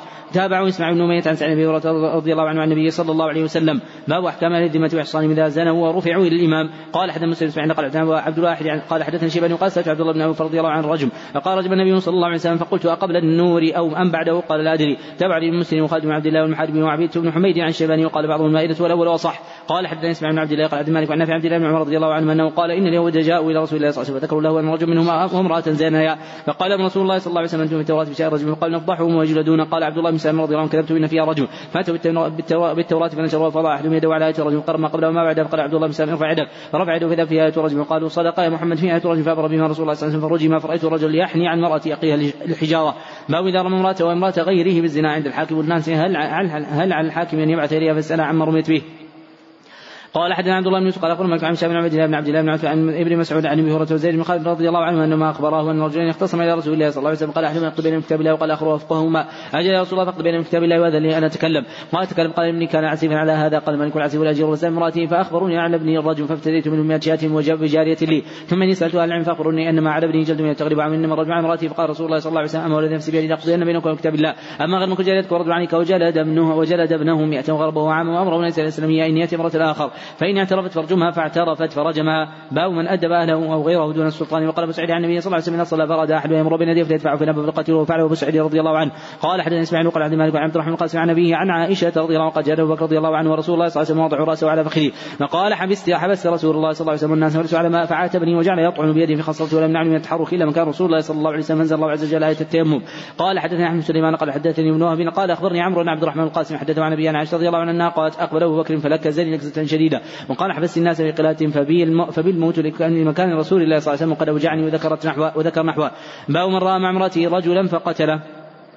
قال حدثنا موسى قال حدثنا وعن تعالى قال حدثنا عبد الملك عن وراد كاتب المغيرة عن المغيرة رضي الله عنه قال قال سعد بن عبادة رضي الله عنه ورأيت رجلا مع امرأتي ضربت بالسيف غير مصح. فبلغ ذلك النبي صلى الله عليه وسلم قد تعجب المغيرة سعد لا أنا غير منه والله غير مني. ما ما جاء في التعريض قوله عن وراد تقدم أنه ليس في رواة الستة من اسمه وراد سوى وراد الثقفي. مولاهم وهو مولى المغيرة ابن شعبة منهم. نعم. أحسن الله إليكم. قال رحمه الله تعالى باب ما جاء في التعريض. قال حدثنا من إسماعيل وقال حدثني مالك عن شاب عن سعيد بن مسيب عن أبي رضي الله عنه رسول الله صلى الله عليه وسلم جاء مع ربي فقال يا رسول امرأتي ولد غلام أسود. فقال لك من ابن؟ قال عن قال مال وقال حمر. قال فيها من أورق. قال عن قال فأنها كان ذلك. قال أراه عرق نزع قال فعل ابنك هذا نزع عرق. باب كم التعزير والأدب. قال حدثنا عبد الله بن يوسف قال حدثنا الليث وقال حدثني يزيد بن أبي حبيب عن مكرم بن عبد الله عن سليمان بن ياسر عبد الرحمن بن عبد الله عن ابي هريره رضي الله عنه أنه قال كان النبي صلى الله عليه وسلم يقول لا يوجد فوق لا يوجد فوق عشر جلدات في حد من حدود الله عز وجل. قال حدثنا عمرو بن علي قال حدثنا فضل بن سليمان قال حدثنا مسلم بن ابي مريم قال حدثني عبد الرحمن بن جابر. عمن سمع النبي صلى الله عليه وسلم قال لا عقوبة فوق عشر ضربات في حد من حدود الله عز وجل. قال حدثنا أحمد سليمان قال حدثني وافي قال اخواني عمرو بن بكير حدثه أنه قال بينما أنا جالس عند سليمان بن يسار جاء عبد الرحمن بن جابر فحدث سليمان بن يسار ثم قال عليه سليمان بن يسار فقال حدثني عبد الرحمن بن جابر. أن أباه حدثه سعد بن الانصاري رضي الله عنه قال سمعت النبي صلى الله عليه وسلم يقول لا تجد فوق عشرة اصوات الا في حد من حدود الله. قال حدثني ابن بكير قال حدثني عن قيل عن شاب قال حدثني حدثنا أبو سلمة أن أبا هريرة رضي الله عنه قال نهى رسول الله صلى الله عليه وسلم عن المصلي وقال رجل من المسلمين فإنك يا رسول تواصل قال رسول الله صلى الله عليه وسلم أيكم مثلي إني أبيت أطعم ربي ويسقين فلما ابوا ان ينتهوا عن المصلي واصل بهم يوما ثم يوما ثم راوا الهلال فقال لو تأخر زدتكم كم نكن بهم حين أبوا. تابعوا شعيب بن يحيى بن سعيد بن موسى الزهري وقال عبد الرحمن خالد عن شاب عن سعيد عن أبي هريرة رضي الله عنه عن النبي صلى الله عليه وسلم قال حدثنا عياش بن الوليد قال حدثنا عبد الأعلى قال حدثنا معمر عن الزهري عن سعيد بن عبد الله بن عمر أنهم كانوا يضربون على يد رسول الله صلى الله عليه وسلم وإذا اشتروا طعاما جزافا يبيعون في مكانهم حتى يؤوه إلى رحالهم. قال حدثنا عبد قال اخبرنا عبد الله قال اخبرنا يوسف الزهري قال اخبرنا عروه عن عائشه رضي الله عنها قالت ما انتقم رسول الله صلى الله عليه وسلم نفسه بشيء يؤتى إليه حتى تنتهك من حرمات الله عز وجل فينتقم لله عز فينتقم لله. باب من أظهر الفاحشة واللطخ والتهمة بغير بينة. قال حدثنا علي قال عبد سفيان قال قال الزهري عن سعيد رضي الله عنه قال شئت متلاعنين ولم خمس عشرة ففرق بين فرق بينهما فقال زوجها كذبت عليه أمسكتها قال فحفظت ذاك من الزهري جاءت به كذا وكذا فهو إن جاءت به كذا وكذا كأنه وحر فهو وسمعت الزهري يقول جاءت به الذي يكره. قال حدثنا ابن عبد الله قال حدثنا سفيان قال حدثنا مسجد عن قاسم محمد قال ذكر ابن عباس رضي الله عنه قال عبد الله بن شداد هي التي قال رسول الله صلى الله عليه وسلم لو كنت راجما امرأة من عين غير بنا قال لا تلك امرأة أعلنت. قال حدثنا عبد الله بن يوسف قال حدثنا قال حدثنا احمد بن سعيد عن عبد الرحمن بن قاسم عن قاسم بن محمد بن عباس رضي الله عنه أنه ذكر التلاعن عند النبي صلى الله عليه وسلم قال عاصم بن عدي. في ذلك قول ثم صلى اتاه رجل من قومه يشكو يشكو أنه وجد مع أهله فقال عاصم يشكو أنه وجد مع أهله فقال عاصم ما ابتليت بهذا إلا لقوله فذهب إلى النبي صلى الله عليه وسلم فأخبره بالذي وجد عليه امرأته. بالذي وجد امرأته وكان ذلك الرجل مصفرا قليل اللحم سبط الشعر وكان الذي دعا عليه إنه وجد عند أهل آدم خدلا كثير اللحم فقال النبي صلى الله عليه وسلم اللهم بين. وضعت شبيها برجل الذي ذكر زوجها أنه وجده عندها فدعا النبي صلى الله عليه وسلم بينهم وقال رجل ابن عباس من المجلس التي قال النبي صلى الله عليه وسلم رجمت احد بغير بينة رجمت هذه. فقال لا تلك امرأة كانت تظهر في الإسلام السوء. باب رمي المحصنات وقوله تعالى والذين يرمون المحصنات ثم لم يأتوا بأربعة شهداء فجلدوهم ثمانين جلدة ولا تقبلوا لهم شهادة أبدا وأولئك هم الفاسقون. الذين تابوا بعد ذلك وأصلحوا فإن الله غفور رحيم. إن الذين يرمون المحصنات وقوله إن الذين يرمون المحصنات الغافلات المؤمنات لعنوا في الدنيا والآخرة ولهم عذاب عظيم. قال حتى عبد العزيز بن عبد الله قال عبد سليمان عن بن زيد عن أبي الغيث عن أبي هريرة رضي الله عن النبي صلى الله عليه وسلم قال اجتنبوا سبع الموقات قالوا يا رسول الله ما هن؟ قال الشرك بالله والسحر وقتل النفس التي حرم الله الا بالحق واكل الربا واكل مال اليتيم والتولي هم الزحف وقتل المحصنات المولات الغافلات باب قذف العبيد. قال حدثنا مسدد قال حدثنا احمد سعيد عن فضيل بن غزوان عن ابن أبي نعم عن أبي هريرة رضي الله عنه أنه قال سمعت أبا القاسم صلى الله عليه وسلم يقول مقدم مملوكا وبريء مما قال جلد من قيمة الله يكون كما قال. باب هل يأمر الإمام رجلا فيضرب الحد غائبا عنه وقد فعله عمر رضي الله عنه. قال حدثنا محمد بن يوسف قال حدثنا عن الزهري عن عبيد الله بن عبد الله بن عتبة عن أبي رضي الله عن زيد بن خالد رضي الله الجواني رضي الله عنه انما قال جاء رجل النبي صلى الله عليه وسلم قال جدك الله. إلا قضيت بين كتاب الله فقام خصمه وكان أفقى منه. فقال صدق اقض بين كتاب الله وأذن رسول الله. فقال النبي صلى الله عليه وسلم قل. فقال إني كان على هذا في أهلي هذا فزال امراتي فاتيت من 100 شاة وخادم. وإن جاء من أهل العلم فقرون على ابني جلد مئة وتغريب عام وأن على امرأة هذا الرجل. فقال ولد نفسي بيدي لقضينا من كتاب الله المئة والخادم رد عليك وعلى ابنك جلد من تغريب عام. ويا أنيس اغدو على امرأة هذا فسألها فإن اعترفت فرجمها فاعترفت فرجمها. بسم الله الرحمن الرحيم. كتاب الديات قول الله تعالى ومن يقتل مؤمنا متعمدا فجزاؤه جهنم. قال قتيبة بن سعيد قال حدثنا جرير عن عمش عن عن عمرو بن انه قال قال عبد الله رضي الله عنه قال رجل يا رسول الله أي ذنب أكبر عند الله عز وجل؟ قال أن تدعو لله يدا وخلقك. قال ثم قال ثم أن تقتل ولدك يطعمك. قال ثم قال ثم أن تزاني بحليل جارك فأنزل الله عز وجل تصديقا والذين يدعون مع الله إلى آخر ولا يقتلون النفس التي حرم الله إلا بالحق ولا يزنون من يفعل ذلك الآية. قال حدثنا علي قال حدثنا إسحاق بن سعيد بن عبد بن سعيد بن العاص عن أبي عمر رضي الله عنه أنه قال قال رسول الله صلى الله عليه وسلم ينزل المؤمن في فسحه بالدين ما لم يصب دما حراما. قال حدثني أحمد بن يعقوب قال حدثني إسحاق قال سمعت أبي حدث عن عبد الله بن عمر رضي الله عنه قال إن من ورطات الأمور التي لا مخرج من وقع نفسه فيها سفك الدم الحرام بغير حله. قال حدثنا عبد الله بن سعيد عن عبد الله رضي الله عنه قال قال النبي صلى الله عليه وسلم أول ما يقضى الناس في الدماء. قال حدثنا عبدان قال حدثنا عبد الله قال حدثنا يوسف عن زوري قال حدثنا عطاء بن يزيد عن عبد الله بن عجين حدثه عن مقدام عن كدي حديث بن زورا حدثه كان شيء بدر مع النبي صلى الله عليه وسلم قال يا رسول لقيت كافرا فاقتتلنا فضرب يدي بالسيف فقطعها ثم نادى بشيرة ثم قال أسلمت لله أقتل بعد أن قال قال رسول الله صلى الله عليه وسلم لا تقتل. قال يا رسول الله فإنه طرح إحدى يديه ثم قال ذلك بعد ما قطع أقتله قال لا تقتل. لئن قتلته بينهم منزلتي قبل أن تقتله وأنت منزلتي قبل أن يقول كلمته التي قال. وقال حبيب النبي عمرو عن سعيد عن عباس رضي الله عنه قال قال النبي صلى الله عليه وسلم إذا كان رجل مؤمن يخفي إيمانه مع قوم كفار فأظهر إيمانه فقتلته فكذلك كنت أنت تخفي إيمانك بمكة من قبل. باب قول الله تعالى ومن أحيا. قال ابن عباس من حرم قتلنا بحق حي الناس منه جميعا. قال حدثنا قبيصة قال حدثنا سفيان عن عبد الله بن مرة عن مسروق عبد الله رضي الله عنه عن النبي صلى الله عليه وسلم أنه قال لا تدخل النفس الا كان عن ابن آدم الأول كفل منها. قال حدثنا أبو الوليد قال حدثنا شعبة قال قال واقد بن عبد الله أخبرني أبي. أخبرني عن ابي أنه قال أخبرني عن ابيه أنه سمع عبد الله بن عمر رضي الله عن النبي صلى الله عليه وسلم قال ترجع بعدي كفار يضرب بعضكم رقاب بعض. قال حدثنا محمد بن قال حدثنا غدر قال حدثنا شعبة عن علي مدرك قال سمعت أبا زرعة بن عمرو بن جرير عن جرير رضي الله عنه قال قال النبي صلى الله عليه وسلم حج الوداع استنصت الناس لا ترجع بعدي كفار يضرب بعضكم رقاب بعض. رواه أبو بكرة وابن عباس رضي الله عنه النبي صلى الله عليه وسلم قال حدثنا محمد بن قال حدثنا محمد جابر قال حدثنا شعبة عن فراس عن شعبي عبد الله بن عمرو رضي الله عن النبي صلى الله عليه وسلم قال كبار الشرك بالله وحقوق الوالدين وقال من الغموس شك شعبة وقال معنا حدثنا شعبة قال كبار الشرك بالله من الغموس وحقوق الوالدين وقال وقتل النفس قال حدثنا اسحاق المنصور قال عبد الصمد قال حدثنا شعبة قال حدثنا عبد الله بن بكر بن سعد رضي الله عنه عن النبي صلى الله عليه وسلم قال كبائر وقال قال وحدثنا عمرو قال حدثنا شعبة عن ابن ابي بكر عن ناس مالك رضي الله عن النبي صلى الله عليه وسلم قال كبار الشرك بالله وقتل النفس وحقوق الوالدين وقال الزور أو قال وشهادة الزور قال حدثنا عمرو بن زرات قال حدثنا شيء قال حدثنا حسين قال حدثنا أبو ضميان قال سمعت أسامة بن زيد بن حارث رضي الله عنه يحدث قال بعثنا رسول الله صلى الله عليه وسلم الحرقات من جهينة قال فصبحنا القوم فهزمناهم قال ولحقت أنا ورجل من أنصاري رجل منهم قال فلما غشيناه قال لا إله إلا الله قال فكف عنه من أنصاري فطعنته ضرب حتى قتلته قال فلما قدمنا بلغ ذلك النبي صلى الله عليه وسلم قال قال فقال لي يا أسامة قتلته بعد ما قال لا إله إلا الله قال قلت يا رسول الله لما كان متعوذا قال قتلته بعد قال لا إله إلا الله قال من ذلك روح علي حتى تمنيت أني لم أكن أسلمت قبل ذلك اليوم قال حدثنا عبد الله بن قال حدثنا قال حدثنا يزيد عن أبي الخير عن صليح بن صلت رضي الله عنه أنه قال إني من النقباء الذين بايعوا رسول الله صلى الله عليه وسلم بايعوا على أن لا نشرك بالله شيئا ولا نسرق ولا نزني ولا نقتل النفس التي حرم الله عز وجل أن تهب ولا نعصي بالجنة فإن فإن فعلنا ذلك فإن بالجنة إن فعلنا ذلك فإن, فإن غشينا من ذلك شيئا كان قضاء ذلك إلى الله عز وجل. قوله عن أبي الخير تقدم أن هذه الكنية عندهم لراو واحد من رواتهم هو أبو الخير المصري واسمه مرثد بن عبد الله اليزني. نعم. أحسن الله إليكم قال رحمه الله تعالى حدثنا موسى بن إسماعيل قال حدثنا جويرة عن عبد الله رضي الله عنه النبي صلى الله عليه وسلم قال من حمل عليه سلاح فليس منا رواه موسى عن النبي صلى الله عليه وسلم قال حدثنا عبد الرحمن قال حدثنا عمار بن قال حدثنا أيوب ويونس عن الحسن عن حنف قيس أنه قال ذهبت لأنصر هذا الرجل فلقيني أبو بكر وقال إن تريد قلت أنصر هذا الرجل قال ارجع فإني سمعت رسول الله صلى الله عليه وسلم يقول إذا التقى المسلمان بسيفيهما فالقاتل والمقتول في النار قلت يا رسول الله قاتل وما بال المقتول قال إنه كان حريصا على قتل صاحبه باب قول الله تعالى يا الذين آمنوا كتب عليكم القصاص في قتل الحر بالحر والعبد والعبد والأنثى بالأنثى بالعنف له من خشية واتباع المعروف أداء إليه بإحسان ذلك تخفيف من ربكم ورحمة ما ابتدى بعد ذلك فله عذاب أليم. سؤال القاتل حتى يقر والإقرار في الحدود. قال حدثنا حجاب من قال حدثنا همام قال عن قتادة عن مالك رضي الله عنه يهوديا رد رأس جارية من حجرين وقيل من فعل بك هذا فلان أو فلان حتى سمي اليهودي فأتي به النبي صلى الله عليه وسلم فلم يزل حتى أقر به فرد رأسه بالحجارة. باب إذا قتل بحجر يوم بعصا. قال حدثنا محمد قال أخبر عبد الله بن إدريس عن شعبة عن هشام بن زيد بن أنس عن جدي أنس مالك رضي الله عنه قال خرج جارية عنها أوضاح بالمدينة. قال فرمى يهودي من حجر قال فجاء به النبي بها إلى النبي صلى الله عليه وسلم بها رمق فقال يا رسول الله صلى الله عليه وسلم فلان قتلك فرفعت رأسها فعاد عليها. قال فلان قتلك فرفعت رأسها فقال لها في الثالثة فلان قتلك فخفضت رأسها فدعا به رسول الله صلى الله عليه وسلم قتل بين حجرين باب قول الله تعالى أن النفس بالنفس والعين بالعين والأنف بالأنف والأذن بالأذن والسن بالسن والجروح والجروح قصاص. فمن تصدق به فهو كفارة له من يحكم من الله فأولئك هم الظالمون. قال حدثنا عمرو بن حفص قال حدثنا أبي قال حدثنا عن عبد الله بن عن مسروق عن عبد الله رضي الله عنه أنه قال قال رسول الله صلى الله عليه وسلم حمد بن مسلم يشهد أن لا إله إلا الله وأني رسول الله بعد ثلاث النفس بالنفس وثيب الزاني والمارق من الدين تارك الجماعة. باب من أقاد بالحجر. قال حدثنا محمد بن قال حدثنا محمد جابر قال حدثنا شعبة عن شام زين انس رضي الله عنه يهودي قتل جارية عن افضاح لها فقتل بحجر مشي بها النبي صلى الله عليه وسلم بها رمق فقال قتلك فلان. فأشارت برأسها لا ثم قال ثانية فأشارت برأسها لا ثم سألت فأشارت برأسها نعم فقتل النبي صلى الله عليه وسلم بحجرين. باب من قتل أو قتل فهو بخير النظرين قال حدثنا ابن قال حدثنا شيبان عن يحيى بن سلمة رضي الله عنه قتلوا رجلا. وقال عبد الله بن رجان حدثنا حرب عن يحيى قال حدثنا أبو سلمة. قال حدثنا أبو هريرة رضي الله عنه ان قال حدثنا أبو هريرة رضي الله عنه أنه عام فتح مكة قتلت خزاعه رجل من بني ليث. بقتيل لهم في الجانية فقام رسول الله صلى الله عليه وسلم الله مسعى مكة في وسط عليهم رسوله والمؤمنين ألا وإن لم تحل أحد قبل ولا تحل أحد بعد ألا وإنما حلت لي ساعة من نار. ألا وإن ساعتي هذه حرام. لا يقتل شوكة ولا يعضد شجر ولا تقط ساقطتها إلا منشد.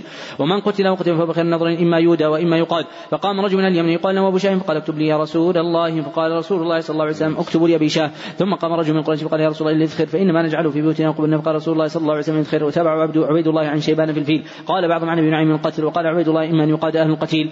قال حدثنا قتيل بن سعيد قال حدثنا سفيان عن عمرو بن عباس رضي الله عنه أنه قال كان في بني إسرائيل قصاص ولم تكن فيهم الدية فقال الله عز وجل هذه ومن كتب عليكم القصاص إلى إلى هذه الآية آه، في القتل إلى هذه الآية فمن عفي له من أخيه شيء فمن عفي له من أخيه شيء. قال ابن عباس رضي الله عنه فالعفو أن يقبل الدية في العمد قال فاتبع بالمعروف أن يطلب المعروف ويؤدي بإحسان.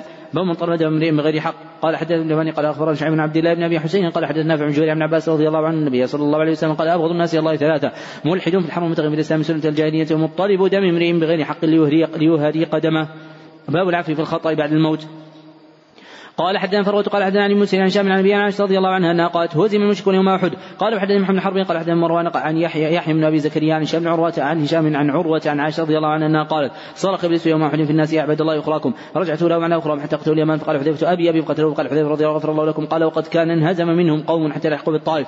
ما من قول الله تعالى ومن كان المؤمن أن يقتل مؤمنا خطأ ومن قتل مؤمنا خطأ من فتح رقبة مؤمنة ودية مسلمة إلى ان لا تصدقوا فإن كان من قوم عدو لكم مؤمن فتح رقبة مؤمنة وإن كان من قوم بينكم وبينهم ميثاق فدية مسلمة إلى أهله وتحريم رقبة مؤمنة. فمن لم يجد فصيام شهر متابعين توبة من الله وكان الله عليما حكيما. باب إذا قرب القتل مرة قتل به. قال حدثني إسحاق قال أخبرنا حنبان قال حدثنا همام قال حدثنا قتل قال حدثنا سلمان رضي الله عنه يهودي رد رأس حجارة بين حجرين. فقيل من فعل بك هذا فلان؟ أو فلان؟ حتى سمي اليهودي فأومأت برأسها فجاء باليهودي فاعترف فأمر بالنبي صلى الله عليه وسلم فرد رأسه بالحجارة. وقد قال همام بحجرين.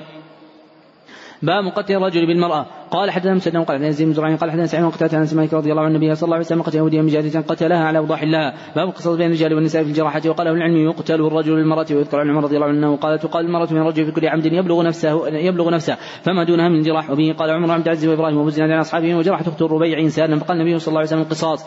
قال حدثنا عمرو بن قال حدثنا يحيى قال حدثنا سفيان موسى قال حدثنا موسى بن أبي عائشة عن عبد الله بن عبد الله بن عائشة رضي الله عنها قالت لددنا النبي صلى لددنا النبي صلى الله عليه وسلم مرضي فقال لا تردوني. فقلنا كرهت المريض الدواء فلما فقال يبقى أحد منكم إلا لد غير العباس فإنه لم يشهدكم فإنه, فإنه لم يشهدكم. باب من أخذ حقه واقتص دون السلطان. قال حدثنا ابن قال أخبرنا شعيب قال حدثنا زناد عن أن عرج حدثه وأنه سمع ابا رضي الله عنه يقول إنه سمع رسول الله صلى الله عليه وسلم يقول نحن الآخرون السابقون. وبإسناده قال له اطلع في بيتك أحد لم تأذن ولم تأذن له. خذفته بحصاة ففقات عينه ما كان عليك من جناح. قال حدثنا مسدد قال حدثنا عن حميد رجلا طلع في بيت النبي صلى الله عليه وسلم فسدد إليه مشقصا. فقلت من حدثك؟ قال أنس بن مالك رضي الله عنه. باب اذا مات في الزحام أو قتل قال حدثني إسحاق المنصوري قال أخبرنا مسلمة قال هشام أخبرنا عن أبي عائشه رضي الله عنها قالت لما كان يوم أحد هزم المشركون فصاحب لي عباد الله أخراكم فرجعت لهم استاتي أخراهم فنظر حذيفة رضي فداه بابي اليمان. قال يا عباد الله ابي أبي قالت والله ما احتجزوه حتى قتلوه. قال حذيفة رضي غفر الله لكم. قال عروة ما زالت في حذيفة منه بقيت حتى لحق بالله عز وجل. باب اذا قتل نفسه؟ إذا قتل نفسه خطأ فلا دية له. قال حدثنا مكي بن إبراهيم قال حدثنا يزيد بن أبي عبيد عن سلمة أنه قال خرجنا مع النبي صلى الله عليه وسلم فقال رجل منهم أسمعنا يا عمرو من هنيهاتك بعد ابي فقال النبي صلى الله عليه وسلم سيقال عامر. فقال رحمه, رحمه الله فقال يا رسول الله لم تعتم بي فصبي صبيحة الليلة فقال القوم حبط عمله قتل نفسه. فلما رجعت وهم يتحدثون عن حبط عمله فجئت إلى النبي صلى الله عليه وسلم قلت يا نبي الله فداك أبي وأمي. زعموا أن عمرو حبط عمله فقال كلمة قال إنه لأجرين اثنين إنه لجاهد مجاهد أو أي قتل يزيده عليه.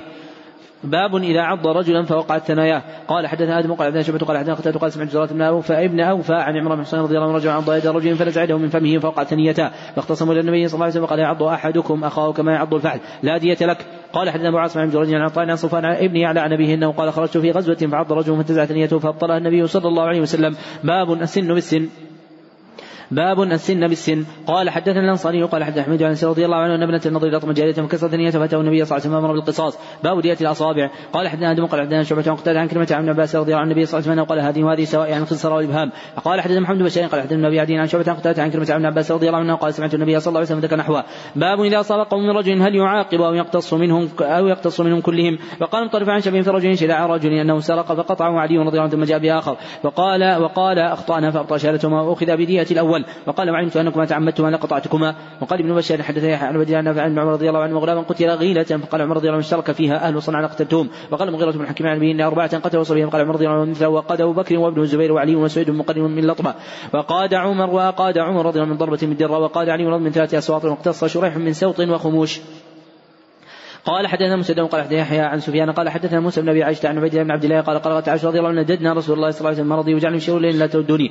قلنا قال فقلنا كراهية من يضرب الدواء فلما فق قال لما هكم أن تردوني؟ قال قلنا كراهية للدواء فقال رسول الله صلى الله عليه وسلم لا يبقى منكم أحد إلا لد ولا انظر إلا العباس فإنه لم يشهدكم. باب القسامه وقال اشعث بن قيس قال النبي صلى الله عليه وسلم شهداك ويمينه. وقال ابن منكت لم يوقد بها معاوية وكتب عمر بن عبد العزيز إلى بن ارطاء وكان امره عن البصرة في قتيل وجد عند بيت من بيوت السمانين إن وجد أصحابه بينة وإلا فلا تظلم الناس فإن هذا لا يقضى فيه يوم القيامة.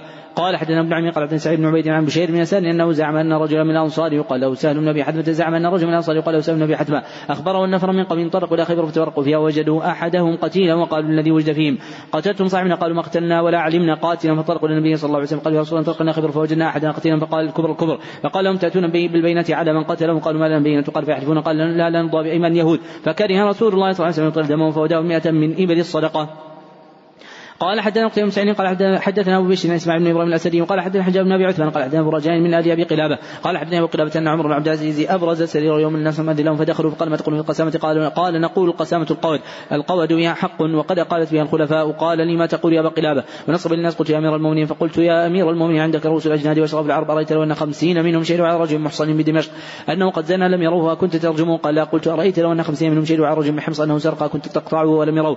قال لا. قلت فوالله ما قتل رسول الله صلى الله عليه سمحنا قط إلا في أحدث هذه الخصال رجل قتل رجل قتل بجريرة نفسه فقتل أو رجل زنى بعد إحصان أو رجل حارب الله ورسوله صلى الله عليه وسلم ارتد عن الإسلام. فقال قوم وليس قد حدث أنس بن مالك رضي الله عنه. رسول الله صلى الله عليه وسلم قطع في السرق وسمر الأعين ثم نبذهم في الشمس. فقلت أنا أحدثكم حديث أنس. حدثني أنس رضي الله عنه نفر من عكر ثمانية. قدموا على رسول الله صلى الله عليه وسلم بايعوا على الإسلام استوخموا الأرض فسقمت أجسامهم فشكوا ذلك رسول الله صلى الله عليه وسلم. قال فلا تخرجوا مع راعينا في إبله؟ فتصيبون من ألبانها وبوارها قالوا بلى. فخرجوا فشربوا من ألبانها وبوارها فصحوا فقتلوا راعي رسول الله صلى الله عليه وسلم وأطردوا النعم فبلغ ذلك رسول الله صلى الله عليه وسلم في أثارهم فأدركوا فجيء بهم فأمر بهم بقطعة أيديهم وأرجلهم وسمر أعينهم. ثم نبذهم في الشمس حتى ماتوا. قلت أي شيء أشد مما صنع هؤلاء ارتدوا عن الإسلام وقتلوا وسرقوا. وقال عن بس بن سعيد. والله إن سمعت كاليوم قط فقلت أترد علي حديثي عن مسا قال ولكن جئت بالحديث على وجهه والله لا يزال هذا الجند بخير ما عاش هذا الشيخ بين أظهرهم قلت وقد كان هذه هذا سنة من رسول الله صلى الله عليه وسلم دخل عليه نفر من الأنصار فتحدثوا عنده فخرج رجل منهم بين أيديهم فخرج منه فخرج رجل منهم بين أيديهم فقتل فخرجوا بعده فإذا هم بأصحابهم يتشحطوا في الدم. فرجعوا إلى رسول الله صلى الله عليه وسلم قال رسول الله صاحبنا كان يتحدث معنا فخرج بين أيدينا فإذا نحن به يتشحط بدم فخرج رسول الله صلى الله عليه وسلم فقال من ظنوا وقال ترون قتله. قالوا نرى أن اليهود قتلته فأرسل اليهود فدعاهم فقال أنتم قتلتم هذا؟ قالوا لا. قال ترضون نفل خمسين من اليهود ما قتلوه فقالوا ما يبالون أن يقتلون أجمعين ثم ينف... ثم ينتفلون. قال أن تستحقون دية بأيمان خمسين منكم؟ قالوا ما كنا نحلف فهداه من عندي. قلت وقد كانت هذين خلعوا خليل خليعا لهم. في الجاهلية وطرق أهل بيت من اليمن بالبطحاء فانتبه له رجل منهم فخذفه أو فحدفه بالسيف فقتله فجاءت هذين فأخذوا اليمانية فرفعوا فرفعوا إلى عمر رضي الله عنه بالموسم. وقالوا قتل صاحبنا فقال إنهم قد خلعوه فقال يقسم خمسون منه ذين ما خلعوه قال فأقسم منهم تسعة وأربعون رجلا وقدم رجل منهم من الشام فسألوا أن يقسم فافتدى بيمينه منهم بألف درهم فأدخلوا مكانه رجلا فآخر فدفعوا إلى أخي المقتول فقل يده بيده قالوا فانطلقا والخمسون الذين أقسموا حتى إذا كانوا بالآخرة أخذتهم السماء فدخلوا في غار في الجبل من هجم الغار على الخمسين الذين أقسموا فماتوا جميعا وأفلت القرينان واتبعوا ما حجر فكسر رجل أخي المقتول فعاش حولا ثم مات. قلت وقد كان عبد الملك بن مروان أقاد رجلا بالقسامة ثم ندم بعد ثم ندم بعد ما صنع. فأمر بالخمسين الذين أقسموا فموحوا من الديوان وسيرهم إلى الشام. باب من يطلع في بيت قوم فقوا عينه فلا دية له. قال أحد من قال أحد أحمد بن زيد عبد الله بن أبي بكر بن أنس أنس رضي الله عنه رجلا طلع في بعض حجر النبي صلى الله عليه وسلم قبل مشقص وقال مشاقص وجعل يقتلون يطعنه. قال حدثنا قتيبة بن سعيد قال حدثنا عن علي عن مشياب بن سالم عن سعدي رضي الله عنه اخبر رجلا طلع في جحر في باب رسول الله صلى الله عليه وسلم مع رسول الله صلى الله عليه وسلم مدرا. يحك بها رأسه فلما راه رسول الله صلى الله عليه وسلم قال ولم أن تنتظرني لطعنت بها لطعنت بها في عينيك. قال رسول الله صلى الله عليه وسلم إنما جعل من قبل الوسط قال حدثنا عن عبد الله قال حدثنا سفيان قال حدثنا مزناد عن رجل عن رضي الله عنه قال قال ابو القاسم صلى الله عليه وسلم أن امرأة طلع عليك بغير إذن فخذفت من حصاته فقالت عنه لم يكن عليك جناح. باب عاقلة. قال حدثنا صدقة من فضل قال أخونا بن قال حدثنا مطلب قال سمعت شعبية قال سمعت أبا جحفة رضي الله عنه قال سمعت علي رضي الله عنه قال هل عندكم شيء ما ليس في القرآن؟ شيء ما ليس في القرآن؟ وقال مرة ما ليس عند الناس. فقال والذي فلق الحب وبرأ الناس متى ما عندنا إلا ما في القرآن إلا فمن يعطي يعطى رجل في كتابه وما في الصحيفة. قلت ما في الصحيفة؟ قال العقل وفكاك الأسير وأن لا يقتل مسلم بكافر. قوله رحمه الله باب العاقلة. العاقلة هم قرابة الرجل الذين يتحملون عنه دية الخطأ. هم قرابة الرجل الذين يتحملون عنه دية الخطأ. نعم. أحسن الله إليكم. قال رحمه الله تعالى باب جنين المرأة. قال حدثنا عبد الله بن يوسف قال أخبرنا مالك قال حدثني سمعنا قال حدثنا مالك عن شاب بن سلمة بن عبد الرحمن بن أبي رضي الله عنه امرأة من امرأتين من هذيل رمت إحداهما الأخرى فطرحت جنينها فقضى رسول الله صلى الله عليه وسلم فيها بغرة عبد أو أما قال حدثنا مسلم سمعنا قال حدثنا قال حدثنا هشام عن النبي عن المغيرة بن شعبة رضي الله عنه عن عمر رضي الله عنه استشارا في نص المرأة وقال المغيرة قضى النبي صلى الله عليه وسلم بغرة عبد أو أما فشهد محمد سلمان أنه شهد النبي صلى الله عليه وسلم قضى به. قال حدثنا عبد الله موسى عن شاب نبي عمر رضي الله عنه أشهد الناس من سمع النبي صلى الله عليه وسلم قضى في السقط وقال مغيرة أنا سمعته فقضى فيه بغرة عبد نوامة. قالت من يشهد معك على هذا فقال محمد بن سلمان أشهد على النبي صلى الله عليه وسلم مثل هذا. قال حدثني محمد بن عبد الله قال حدثنا محمد سابق قال حدثنا زيد قال حدثنا شام عروة عن نبي انه سمع المغيرة بن شعبة رضي الله عنه حدث عمر رضي الله عنه استشار في ناصر المرأة وذكر مثله. باب جين المرأة وان عقل على الولد وعصبة الوالد وعصبة الوالد لا على الولد. قال حدثنا عبد الله بن يوسف قال حدثنا الليث عن شاب بن سعيد بن مسيب عن أبي رضي الله عنه رسول الله صلى الله عليه وسلم قضى بجين امرأة من بني نحيان بغرة عبد نوامة. ثم المرأة التي قضى عليها بالغرة توفيت فقضى رسول الله صلى الله عليه وسلم امراتين بنيها وزوجها وأن العقل على عصب على عصبتها. قال حدثنا أحمد بن صالح قال حدثنا قال عبد يوسف عن شاب عن المسيب. وأبي سلمة عن عن ابن عن ابن المسيب وأبي سلمة بن عبد الرحمن رضي الله عنه قال اقتلت امراتان من هذيل. فرمت إحداهما الأخرى بحجر قتلتها وما في بطنها فاقتسموا إلى النبي صلى الله عليه وسلم فقضى دية الجنية غرة عبد أو وليدة وقضى المرأة على عاقلتها. ما مستعنى عبدا ويذكر أنه مسلم رضي الله عنه بعثت إلى معلم الكتاب ابعث إلي غلمانا ينفشون صوفا ولا تبعث إلي حرا. قال حدثني عمرو بن زرات قال أخبرنا إسماعيل بن إبراهيم عن عبد عن عبد العزيز أنس رضي الله عنه قال لما قدم رسول الله صلى الله عليه وسلم المدينة أخذ بطرحة بيده فانطلق به إلى رسول الله صلى الله عليه وسلم. فقال يا رسول الله أنس غلام كيس فليخدمك. قال فخدمته بالحضر والسفر فوالله ما قال لي شيء صنعته. لما صنعت هذا هكذا ولا شيء لم أصنعه لما لم تصنع هذا هكذا. باب المعدن جبار والبئر جبار. قال حدثنا عبد الله بن يوسف قال عبد الله قال عبد بن شهاب عن سعيد بن مسيب بن عبد الرحمن رضي الله عنه رسول الله صلى الله عليه وسلم قال العجماء جرحها جبار والبئر جبار والمعدن جبار. وفي ركاز الخمس. باب العجماء العجماء جبار قبل سنين كانوا يضمنون من النفحة ويضمنون من رد العناد. وقال حماد لا تضمن النفحة إلا أن ينخس إلا أن ينخس الإنسان من دابة وقال شريح لا تضمن مع عقبة أن يضربها فتضرب برجلها وقال حكم حماد إذا ساق المكارح مر عليه امرأة فتخر لا شيء عليه. وقال شعب إذا ساق دابة فتعبها فهو ضامن لما أصابته. إن كان خلفها مترسلا لم يضمن. قال حتى مسلم وقال حتى شعبة عن محمد زين عن رضي الله عنه النبي صلى الله عليه وسلم أنه قال العجماء عقلها جبار بالجبار المعدن جبار في ركاز الخمس باب إثم من قتل رحمه الله.